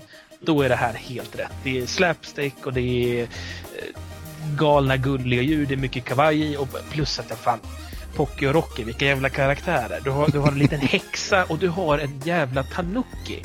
Och, och tanuki är alltså en tvättbjörn med gigantiska pungkulor. Gigantiska magiska pungkulor för övrigt. Det, det är alltså ett klassiskt japanskt eh, mytologiskt va- varelse då som, som ja, men finns i, i japansk mytologi. Eh, och de är så jävla roliga. Eh, du spelar ju också spelet i co-op, så att en är Pocky och en är Rocky. Mm. Eh, och jag är ju liksom du väldigt kär i co-op. Eh, så det här är ju skitkul. Det, det är alltså en serie helt hejdlösa nivåer och helt sanslösa bossar. Och spel som Gears of War hade aldrig kommit till om det inte vore för sådana här spel som Pocky och Rocky. Ja, jag, ska, jag ska lägga handen på hjärtat och säga att jag har inte har någon större relation till Pocky och Rocky. Det är mest kul att, att reta dig faktiskt. När det kommer till min kritik. Ja, jag, jag har ju redan sagt förkunnat att jag är, jag är Messias i det här läget, så det är bara att köra på. Det gäller väl samma sak egentligen med plats 99. Ignition till PC har jag heller ingen vidare relation till. Men ta någon rad om det och det. Ja, Ignition är alltså ett rallyspel som du ser ovanifrån i stil med... Ah, inte Micro Machines, det är lite väl att ta i, men, men det är den typen av vy. Mm. Eh, väldigt enkelt spel. Du, du, du, det finns sex eller sju banor, jag minns inte riktigt. Eh, som utspelar sig på helt olika sorters miljöer och du har en bil och du har mer eller mindre en enda funktion förutom gas, broms, höger, vänster och det är att du kan använda nitro. Okej. Eh, och spelet är bara så jävla härligt. Det är svenskutvecklat för övrigt. Okej. Eh, av ett företag som tyvärr inte längre finns. Som Eh, heter... Det har jag faktiskt inte på tungan sen, men det, det kan jag kolla upp till blogginlägget i alla fall. Mm. Spelmotorn är också hemmaskriven av det här svenska företaget och den heter Lisa. Efter producentens katt, om jag inte minns helt fel. Alright. Eller flickvän eller dotter, jag minns inte. Men, men det, det är kul bara där. Vi har Unreal Engine och vi har Lisa. Uh, Ignition i alla fall, det är ett så här härligt, mysigt spel. Det, det, eh, det är liksom inte allt för allvarligt utan det är lite avslappnat och det är jävligt kul och det, det är jävligt välgjorda banor och kontrollen sitter helt perfekt och, och grafiken är ju, är ju ja, väldigt bunden av att den, den är tidig 3D liksom. Det ser Playstation 1 it Ja, jag, jag sitter och kollar upp lite bilder nu. Alltså det, det jag tänkte på på en gång. Jag såg en gul bild. Då tänkte jag GTA liksom. Den Det- byn. Ja, men det är typ den, fast det är ju 3D också då. Så Ja, den, ja men tänk GTA Chinatown Wars till DS. Där någonstans. Ja, det har jag faktiskt inte spelat själv, så det, men ja, du har säkert rätt. Okej. Men det, det är ett... Jag tycker det är bara så jävla... Det, det gulligaste med spelet, det är ju att det är ett svenskt spel. Mm. Och det fanns ju förstås fuskkoder till det här spelet. Och i och med att du har ett tangentbord då, för du spelar det här på PC, så, så kan man ju ta vad som helst som fuskkod. Vi minns kanske IDKFA i Doom, eller eh, DN Cornholio för Duke Nukem. Mm. I det här fallet så är koderna saker som filmjölk, slasktratt. Det är, ja, det är jävligt härligt stycke skitkul casual racingspel. Med jävligt bra bandesign måste jag tillägga. Det är såna här eh, Mario Kart-liknande banor med mycket liksom höjdskillnader och det är fiender i form av saker som är farliga på banan. Eh, Allt från ett tåg som passerar med jämna mellanrum så att du måste antingen åka över rälsen eller hinna framför tåget. Okej. Men en sak jag tänkte på. Jag har ju aldrig spelat det här spelet. Tror du att jag skulle ha lika kul med det idag som, som ditt minne är av det nu så att säga. Det tror jag faktiskt. För jag, jag, jag, jag gjorde faktiskt ett test på det, för jag var osäker på placeringen nämligen. Ja. Så jag, jag, jag tog helt enkelt och eh, grävde fram en gammal install-CD-skiva av spelet. Och, och, och testade helt enkelt. Och ja, det är fortfarande kul. Problemet är att det är svårt att spela idag, för det är ju gjort för gammalt, gammalt, gammalt. Så du måste ju köra med en, någon form av emulerad typ DOS-box eller Windows 95-aktig grej. Mm. Men det Det- kan ju det- vara charmigt det också. Ja, det, problemet är att det, det blir lite buggigt. Det hänger sig ganska ofta på en modern dator. Så bästa tipset är att gräva upp en gammal 486 och kör på den. För det är helt jävla awesome. Det finns alltså ingen som helst konsolversion eller något i det här. Inget alls nej. Det är vad jag vet bara till PC. Ja, okej. Vi går vidare Samson. Mm. På plats 98 hittar vi ett spel som jag känner igen och som faktiskt fanns på min lista också. Då lite bättre placerad. Eh, Worms Armageddon till PC. Jajamän. Uh, Worms. Jag vet inte om man behöver säga så mycket om Worms. Det är ett för jävla kul spel. Vi är överens om att Armageddon är det bästa i serien i alla fall. Jag klurade lite på det och var lite osäker. Jag tycker det första Worms är jävligt charmigt också. Ja. Men, men jag tycker att det saknas ganska många funktioner så, så, och, och framförallt grafiken som jag tycker blev mycket bättre senare i serien. Mm, det finns ju vissa, ja, nu är det dumt att kalla någon annan än oss bakåtsträvare men det finns vissa som påstår att ah, det borde ha sett ut som det gjorde på Worms 1. Hela serien igenom. Jag håller inte med. Jag Inte jag heller. Jag, jag tycker det är charmigt med den grafiska stilen. Och det är fortfarande den här tecknade härliga känslan. Och så sen är det det att de här maskarna är ju så sjukt söta men de, de, så, de är så jävliga mot varandra. Det är klockrent träffat där Ja, faktiskt. gulligt och våldsamt är en jävligt bra kombo. Det är också en av poängerna med Pocky och Rocky för övrigt. Okej. Um, någonting s- som också är en, min stora förtjusning med Worms Armageddon, eller framförallt Worms-serien som helhet, för det här är ju lite av en representant för hela serien. Mm.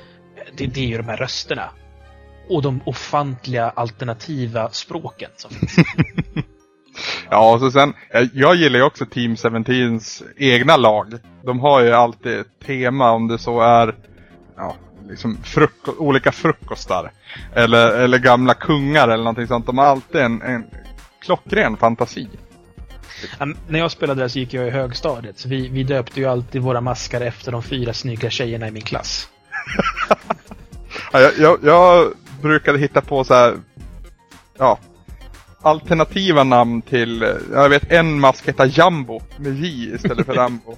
Det var liksom min huvudmask. Och sen hade jag en som heter Banana Feller. För att jag tyckte att det passade så bra. Så ja, jävligt roligt. Det är, ja, jag hittade en lite piratalternativ. Men jag hittade en version av Worms Armageddon där man faktiskt kunde spela multiplayer. Mm. Eh, som det, det är ju byggt kring eh, World, Worms World Party då. Som det var väl egentligen samma spel fast de behövde ett som funkar på XP. Så har jag tolkat det hela i alla fall. Så det, var, spelade jag en hel del online. Men det var ett tag sedan nu faktiskt. Det, det är synd. Alltså jag, jag gillar ju att, att spe, man ska ju spela det här mot en riktig person såklart. Mm. Jag tycker dock att Hot Seat eh, är ett bättre alternativ än online-läget. Dels för att det är så mycket av det här spelet som handlar om att sitta i samma rum som personen du precis ska kastat bananbomber på eller skicka ett får mot. Jag minns under, under tiden vi hade LAN också i min, i min kompiskrets så var det här det populära mellan de riktiga spelarna spelet så att säga. Mellan Unreal Tournament och Counter-Strike eller ja, vi spelade ju mycket eh, Red Alert 2. back in the day. Men då var det, Worms Armageddon var ju skitroligt att spela emellan de här sekvenserna när man typ ville käka lite chips samtidigt eller någonting sånt. Ja, det är ju det. Du, be- du behöver egentligen bara en hand för att spela hela spelet. Ja, och så sen så får du ju faktiskt sitta och vänta långa delar också. Framförallt om de spelar mot många olika. Sen måste jag faktiskt också bara tillägga, när vi ändå var inne på det här med mina högstadiekärlekar, så, så vill jag ju skicka ut en liten shoutout till Pernilla, Karin, Trifa och Elinor. jag saknar er och jag hoppas vi har en återsamling någon gång. Okej, men där går vi vidare på plats nummer 97. Och här finner vi Prince of Persia, The Sands of Time till Playstation 2. Och det här spelet var väldigt nära att ta sig in på min lista också, så det tycker nog rätt så lika om det här spelet. Ja, alltså för mig är Prince of Persia ehm, Dels är det spelet som verkligen fick mig att känna att det var värt att köpa min Playstation 2. Mhm. För att, Var inte det Metal Gear Solid 2? eh, ja, det kom senare. Okej. Eller i alla fall i min spel. Det var då jag köpte min PS2 i alla fall.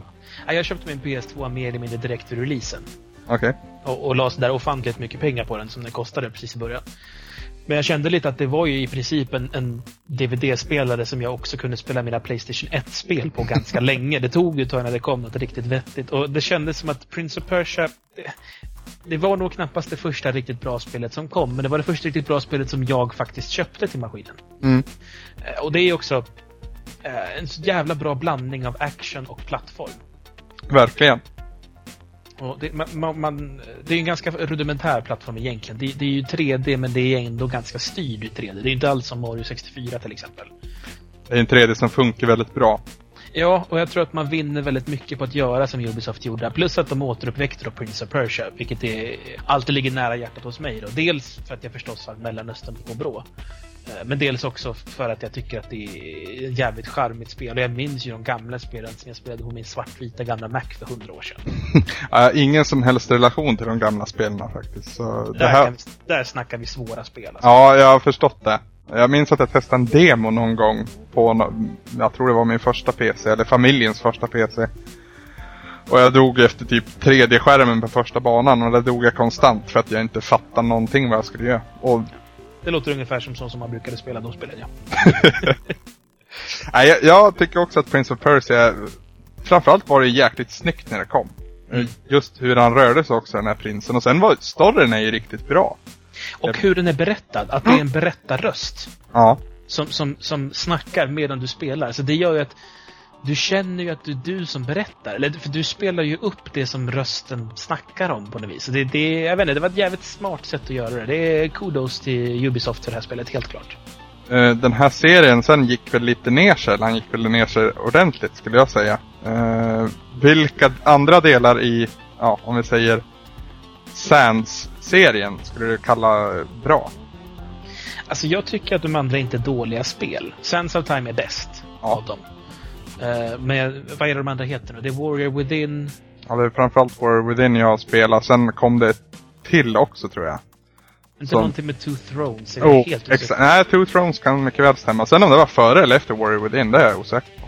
För Warrior Within är ju, är ju den som bajsar ner sig ganska mycket på karaktären. Ja, Han blir ju en jävla emo-stolpe. Men spelet i sig är fortfarande välgjort, även om det inte är lika bra. Mm.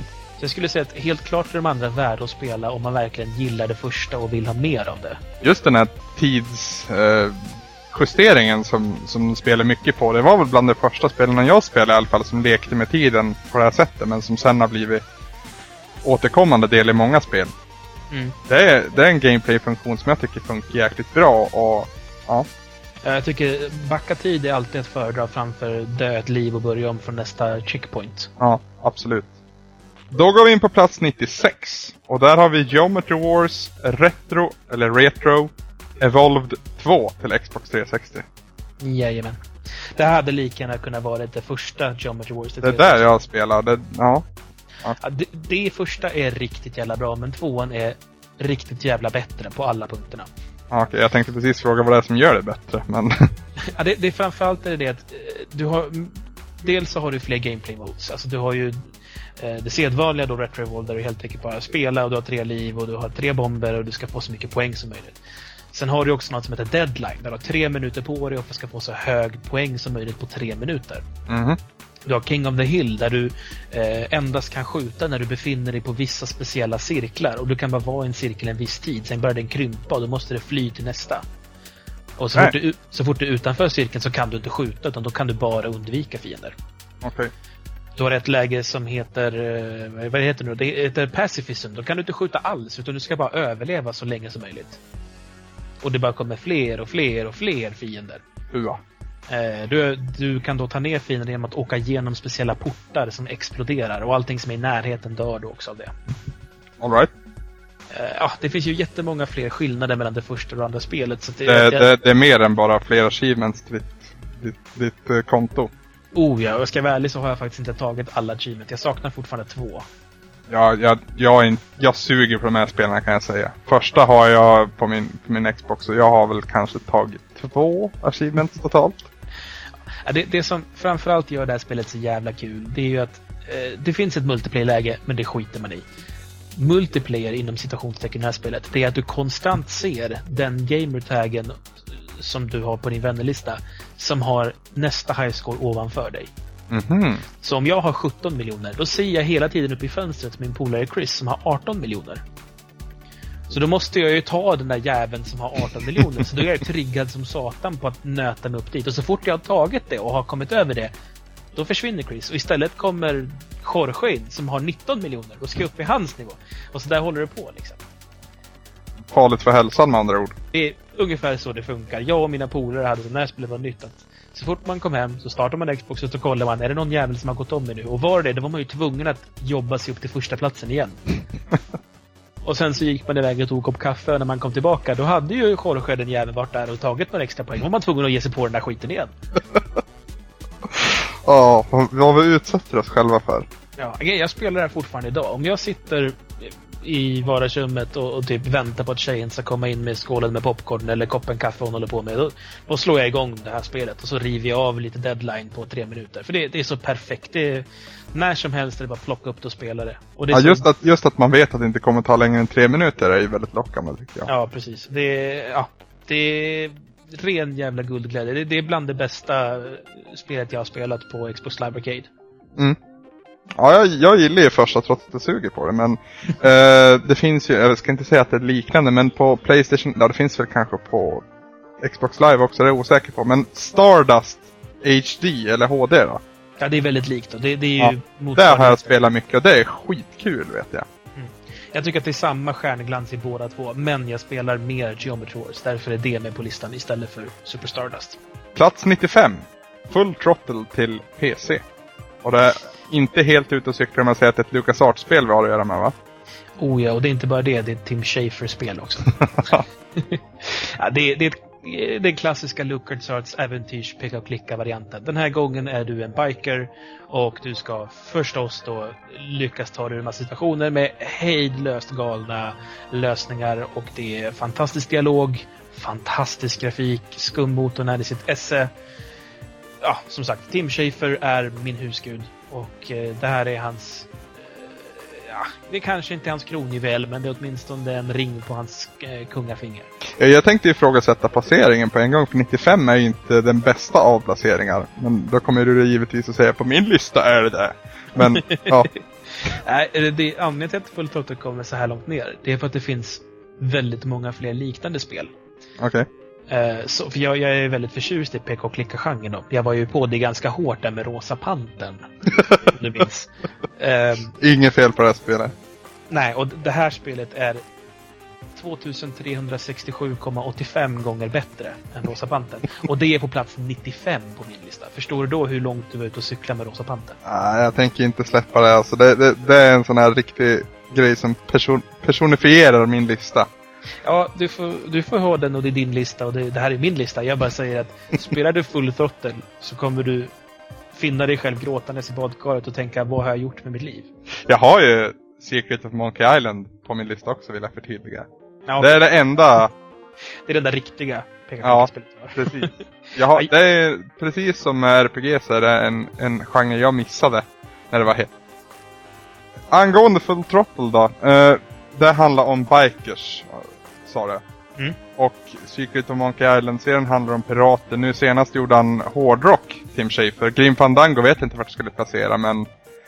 Vad tror du han siktar in sig på härnäst? Miss, eller Mr Tim Schafer säger man väl? Ja, eh, Lord Schaefer, vad är hans nästa grej? Jag vet inte.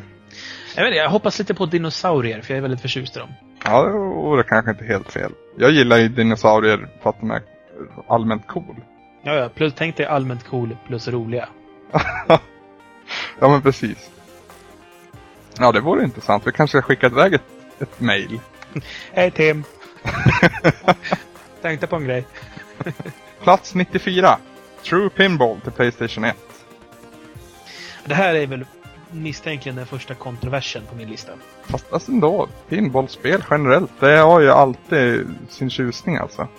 De har ju sin tjusning. Problemet är ju att flipper är ju bäst på ett riktigt jävla bord. Precis vad jag tänkte komma till, att det är inte topp 100 när man kan gå och spela flipper i... Ja. Mm. Det finns inte så många ställen längre men Ja, det, det är väl typ sketna pizzerior som kan ha något gammalt flipper i hörnet. Liksom. Leksands Sommarland tror jag också har något ord kvar. Det har jag aldrig varit faktiskt. True Pinball i alla fall. Jag, jag är ett jättefan av flipper. I arkadhallar och på pizzerior och så liknande. Och jag har spenderat åtskilliga tusen lappar på flipper i mina år. Mm. Eh, helt besatt av dem, älskar dem och ja, jag slutar ju inte spela förrän jag har antingen blöder eller är pank. Eh, och, och är man som jag då så kan man behöva ta med sig det här hem ibland. För jag har ju inte råd att lägga ut dyra slantar på att köpa ett riktigt flipper. Eller med plåster. så, så lösningen är istället att försöka ta det näst bästa och då blir det ju en digital version av det hela. Och jag har provat det mesta i genren. Och eh, vana trogen så, så, så är ju svenskarna faktiskt bäst på det här. Mhm. Och det är ju nuvarande DICE för detta Digital Illusions. Eller ja, de två första bokstäverna i DICE är ju fortfarande Digital Illusions. Mm. Eh, som ligger bakom det här också. Eh, det är alltså en spirituell uppföljare till Pinball Fantasy... Nej, Pinball Illusions. Vad fan hette det sista spelet? Det var Pin, Pinball Dreams, Pinball Fantasies och Pinball Illusions, tror jag serien kallades. Okej. Det här är alltså spirituella uppföljaren på det och här är det då 3D-grafik för den kommer då till Playstation. Mm. Eh, Ett fantastiskt bra spel. Det är fyra bord och det bästa är vikingabordet. Det är helt jävla sanslöst. och, och precis som med flipper i verkligheten så har jag verkligen Alltså Digital Illusions har ju verkligen greppat vad det är som gör flipper kul. För det är ju inte bara skjuta bollen så att det studsar och blinkar. Utan det handlar ju alltid om att det finns uppdrag och du ska ta dig an uppdragen. Och när du har klarat ett visst antal uppdrag av olika bredd, då liksom kan du nå själva jackpot-uppdraget. På vikingabordet som är bäst, så handlar det om att du ska lyckas få gudarna att skratta. och när de skrattar så är man så jävla lycklig själv, för då vet man att nu blir det knack. Nu jävlar, nu är det kört. All right. Det enda riktiga hemversionen av pinballspel jag spelar är det gamla NES-liret som kort och gott heter Pinball. Om du minns det. Det är väl inte riktigt i samma nivå, men ja, jag minns det också. jag minns jag hade det på en sån här samlingskassett, du vet, med typ 100 spel på en kassett. Grejen. jo, det är ju väldigt, väldigt enkelt. Det är ju väldigt tidig NES, det spelet. Jag, jag minns det som ett jäkla roligt spel, så jag köpte det när det kom ut på Virtual Console till mitt Wii. Men eh, det är ett köp jag ångrar kan jag säga. Det fanns inte så mycket spelglädje kvar i, det där. Men jag kanske ska pröva True Pinball då. Alltså, gillar man flipper och vill ha den näst bästa upplevelsen, då är det True Pinball, True Pinball som gäller för mig. Det finns ju eh, Psycho Pinball till PC är också väldigt bra. Eller Epic Pinball, fast det är lite märkligt. Det är lite så här tv-speligt flipper. Båda två de är också bra, men True Pinball för mig är det vassaste. Plats 93 så har vi Alien Trilogy till Playstation 1. Ja, eh, jag är ett dödsallvarligt fan av Alien-serien. Så pass att jag till och med tycker fjärde filmen är bra. Det tycker jag också. Ska jag säga. Härligt att jag har Det är den som heter Återkomsten eller... Ja, vad, vad, vad heter den? Resurrection. Ja, Resurrection. Men den, den har en svensk titel. Ja, det är säkert återuppståndelsen eller återkomsten. Whatever. Återuppstår heter den bara. Så är det. Alien Återuppstår. Den tyckte jag var skitbra när jag såg den faktiskt. Den, den håller ju inte riktigt måttet med de första två, men, men jag tycker fortfarande att det är en bra film eftersom jag är så kär i Alien. Mm. Alien Trilogy är ju eh, ett spel, ett första persons shooters. Eh, som kom till det första Playstation. Och det här är innan man har dual sticks. Så det här är väl den här gamla urusla kontrollen när man Ja, du strafar med R och L-knapparna. Mhm. Och så styr du svänga höger, svänga vänster, titta upp, titta ner med styrkorset.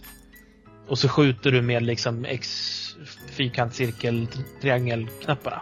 Mm. Så att det är ju egentligen en idiotisk kontrollmetod för första persons. Det är ju jätteslött och dumt och dåligt. Men det är Alien. Och det är så jävla välgjort. Det kryper i mig. Du har den lilla radarn och det, det är ju förstås facehugger. Grafiken är ju för jävlig idag. Mm. Det, det, det är samma typ av eh, grafik som i Duke Nukem ungefär. Att det är liksom är 3D-ish miljöer och sen så är det då pixelgubbar som är platta. Så du vet, när du svänger runt Alien så tittar han fortfarande på det på exakt likadant sätt. Eh, och man, man ser väldigt tydliga pixlar och så, men det är fortfarande för jävla kul att spela.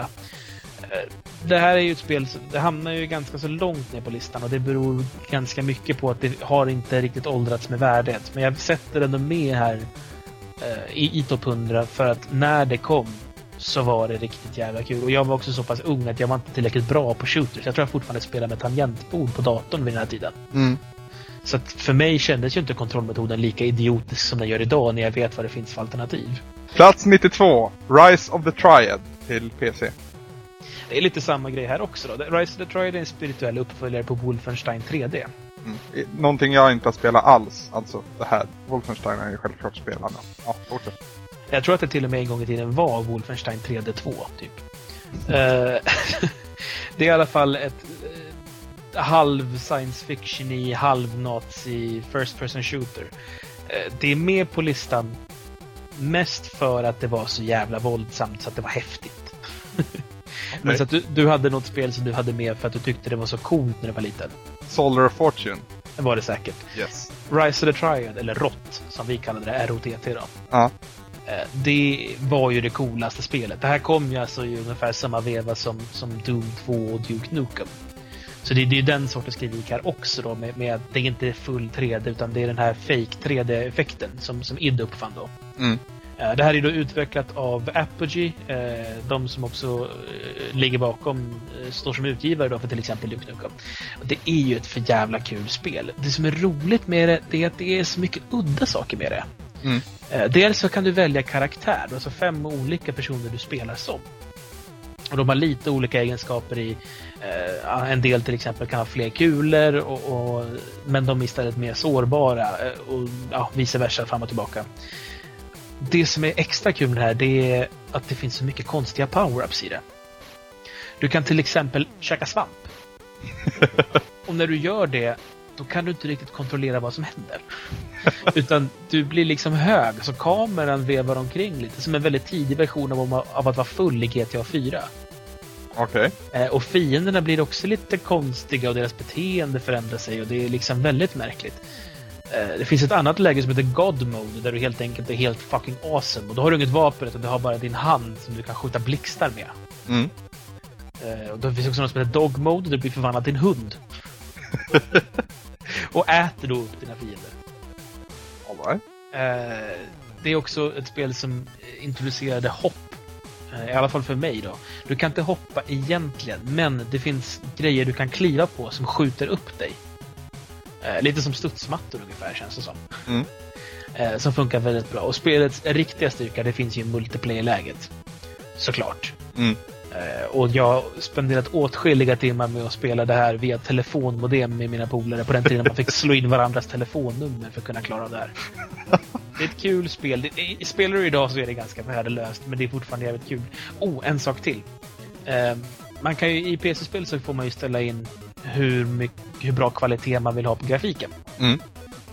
I det här spelet så ställde man inte in hur bra kvaliteten var, utan man ställde in helt enkelt hur mycket av bildskärmen visar jag grafik på. Så hade du en lite sämre dator, då kunde du förminska bilden lite. Och då fick du alltså som en liten ram runt om, för att spara processorkraft liksom. Mm. Och om du förminskar hela vägen längst ner, då får du en liten, liten ruta i mitten av din... Alltså, på den här tiden hade vi 15-tums skärmar tror jag. Det var liksom standarden då. Mm. Och du får alltså en liten ruta som är kanske en åttondel av vad den här skärmen skulle kunna klara av då. Så det är liksom, ja, men, tänk dig typ spadedam. Alltså en, en så stor liten ruta i mitten. Och det som är så himla fint är att de har lagt in att det finns en liten text då under den här rutan där det står Just buy a 486. Ja, det är charmigt. Så det är, det är någonting jag uppskattar väldigt mycket. Det är skitkul spel och det är sådär smaklöst våldsamt också. Det är blodskvätter och revben flyger och det är, ja. Bästa effekten det var när, eh, ja det fanns, om man, om man till exempel sprängde, om man gibbade en fiende. Mm. Så, så kunde deras kroppsdelar träffa skärmen så att säga. Ja, just det. Absolut bäst var ju när man fick ett öga. För då liksom ploppar det fast på skärmen och sen så glider det sakta ner och lämnar ett slemspår efter sig. Härligt. Och på plats 91, då har vi alltså Patapon till PSP. Jag vet inte om jag behöver säga så mycket om Patapon mer än patta, patta, patapon. Dum, dum, dum, dum, dum. Pon, pon, Patapon. det är härligt att haka på det. Nej, men jag tycker Patapon var skitkul. Det är, jag är väldigt svag för spel som gör någonting med charm. Mm. Och Patapon kan man ju inte förneka är bland det charmigaste spelet i världen. Ja, ja, visst. Men det, det jag reagerade på det var ju att det kändes ja, på pappret som ett klockrent bärbart spel. Men jag tyckte inte att det var det när jag väl satt mig med det. För att det tog för lång tid helt enkelt för att ha det som ett bärbart spel. Det, det, man behövde sätta sig in för mycket i det. Ja, det kanske egentligen hade funkat bättre på en... Alltså, jag, jag skulle säga att Patapon är ett spel som kom tio år för sent. ja. För ja. Patap Patapon är ett asbra spel som kräver mycket tid. Mm. Och Patapons styrka ligger i charmen, alltså musiken och, och grafiska stilen.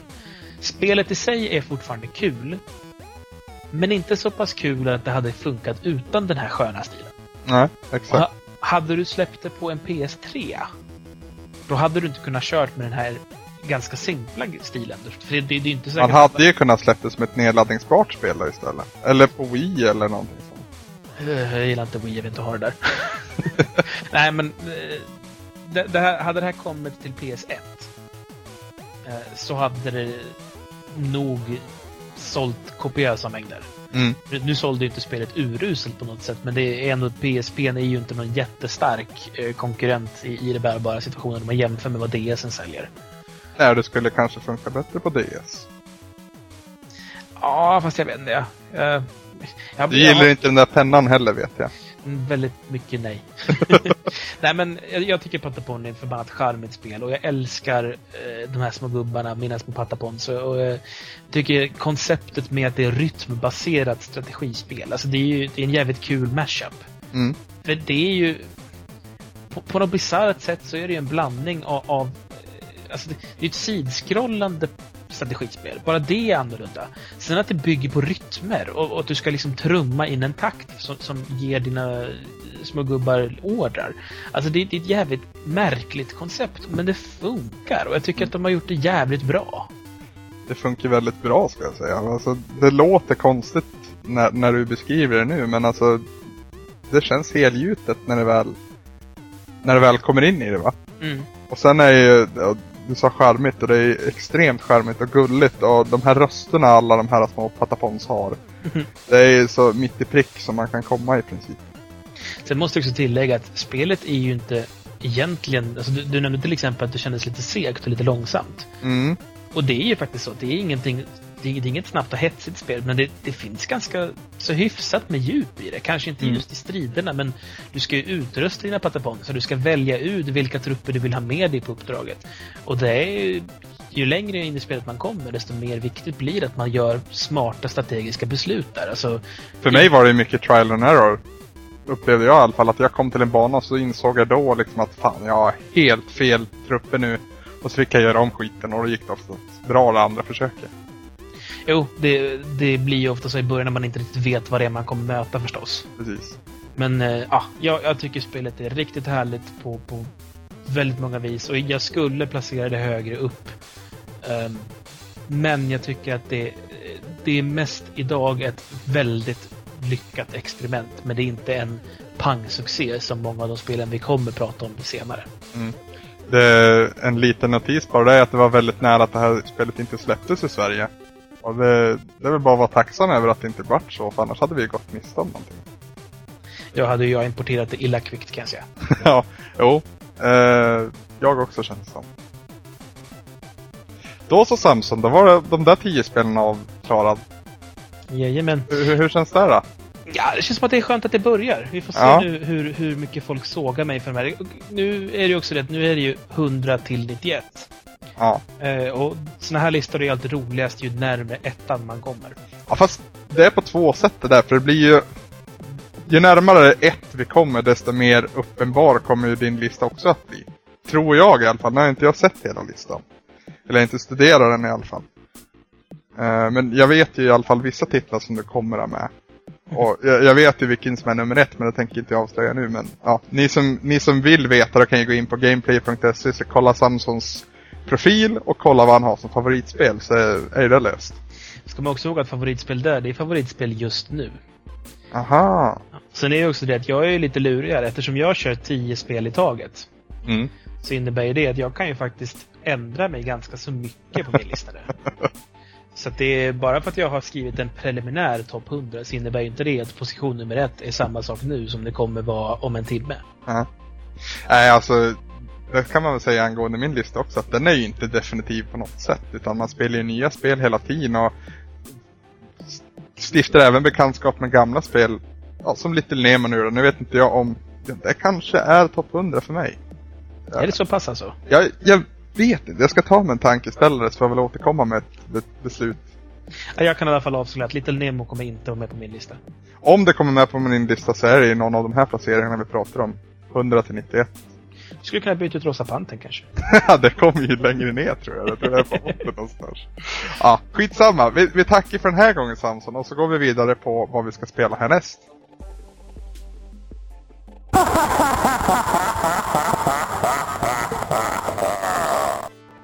Inför nästa avsnitt så ska vi ge oss an Strider och inte vilken Strider som helst utan Mega Drive-versionen av det. Det, den sanna versionen kan man väl kalla det. Det har ju fått en NES-portning som inte har så mycket fin kritik att komma med. Men just Mega Drive-versionen då. Det ska ju vara rätt bra. Jag minns Screw Attack om ni känner till dem. Har ju placerat på nummer ett över Mega Drive-spel. Ja, det låter ju jävligt lovande måste jag säga. Ja, ja, Screw Attack brukar ha hyfsad... De, ja, jag vet inte. De känns ungefär i samma anda som dig och mig, i alla fall mig. Jag tycker att Men- de tycker hyfsat lika. Mer dig än mig, men det... det mm. Hur som helst då. Det spelet är utvecklat av Sega och Capcom. Och det är ju från början ett arkadspel då, släppt 89 och kom året efter då till Genesis, eller Mega Drive som det heter hos oss. Mm. Ehm, ja, det har blivit portat till en hel drös med olika maskiner då, men eh, allmänt erkänt så är arkadversionen och Mega Drive-versionen de bästa. Mm. Och eh, arkadversionen är ju också ett av Capcoms eh, första riktigt stora arkadhits. Eh, det här var ju innan Street Fighter 2 till exempel. Mm. Eh, spelet är populärt då, eh, för att det delvis är så snabb action och det är liksom våldsamt och tempo och väldigt originellt på något vis. Eh, storyn är också beskriven med då lite så här härliga 16-bits storysekvenser som jag pratat om att jag älskar så himla mycket. Mm. Och eh, det finns till och med voice-overs eh, i vissa versioner av spelet. Dock inte till Mega Drive-versionen vad jag har förstått. Okej. Så det, det missar vi nog. Men jag tror ändå att vi överlever. Voice-overs på tidigt 90-tal är nog ingen höjdare om jag ska vara ärlig. Men det ska bli jävligt kul att se hur det är. Alltså det, är ju- det är ju ett eh, blaffigt stort actionspel. Och som sagt, det sägs vara ett av de bästa spelen till Mega Drive och det lovar ju gott. Ja, och så står det Capcom på omslaget, det lovar ju också gott. det, det är ju ingen hemlighet att du och jag gillar Capcom alltså. Gamla Capcom framförallt. Jag är inte lika förtjust i Capcom idag, men gamla Capcom, de, de är, är några av mina älsklingar. Ja, fast jag tycker att just i år så tog de igen mycket de har förlorat. Så de gör så här jämt, Capcom. Ja, de går i vågor. Mega Man 9 kom i och för sig i fjol då, men det var ju liksom, då vart ju jag kär i företaget igen. Nog om Capcom och eh, faktiskt nog om Strider. Vi spar mer av infon till nästa avsnitt tycker jag. Det tycker jag. Jag kan väl säga att man spelar en ninja som heter, ja vad heter han då? Strider Hyrjö! Exakt. Då packar vi till slut ihop för idag Samson. Det har varit ett långt avsnitt det här. Eh, Jag hoppas vi att de som tyckte att förra avsnittet var för kort är nöjda och mätta och glada. Alltså jag, jag tycker så här Anders. Eh, en, en trend på våra podcast är att de blir längre och längre och längre. Det första Ristar-avsnittet tror jag var så här 26 minuter långt. Och vi är uppe på det tredubbla nu. Minst. Det är väl att jag pratar mer skulle jag säga. Eller en- bidragande faktor i alla fall. Ja, och jag fick ju släpa det här skeppet själv med första avsnittet. Ja, men jag var så, jag var så nervös och blyg vet du. Jag, är inte, jag är inte som dig, jag är lite mer... Ja, vad säger man? Du är lite norrlänning medan jag är lite stockholmare. Vem var det som kastade? Vill ni lämna kommentar på det här avsnittet eller bara snacka lite med oss så kan ni vända er till våran hemsida. Och då är det retroresan.se som gäller. Du kan även kontakta oss på gameplayer.se. Där har vi en egen forumtråd och där finns också våra avsnitt att lyssna på om ni inte laddar ner dem från hemsidan. Det går även att gå in på loading.se, vi har även en forumtråd där som är väldigt, väldigt dåligt drag i den tråden så jag vill skicka ut en liten vinkning till de som kommer därifrån att fan, engagera er lite. Ja, det är bra. Hota dem gärna. Ja, precis. Annars gör vi inga mer. Det gör vi visst. Ja, vi kommer fortsätta i all evighet. Hur, få lyssnare vi än har. Ja, alltså, jag, jag längtar tills vi är så pass gamla att vi kan spela typ Borderlands som ett retrospel. För det är jag Aj. sugen på. Jag är sugen på många Playstation 2, så jag bara går och gnuggar in för nästa generation. För vad har ju sagt är att Två generationer bakåt är okej. Precis. ja, eh, på iTunes finns vi också. Ni kan ju prenumerera på oss där och få hemskt mer än gärna skriva en recension på oss också som Björn Face och Atlas har gjort. Eh, ni kan även prenumerera på RSS och då är det via vår hemsida eller på gameplay.se som ni får länka till det. Och slutligen om ni vill mejla till oss och hålla er lite i bakgrunden så går det också bra. I så fall är det till retroresan save.se ni mejlet. Då så. Då tackar vi för ikväll. Jag heter Anders. Och jag heter Samson. Målet är ingenting. Resan är allt.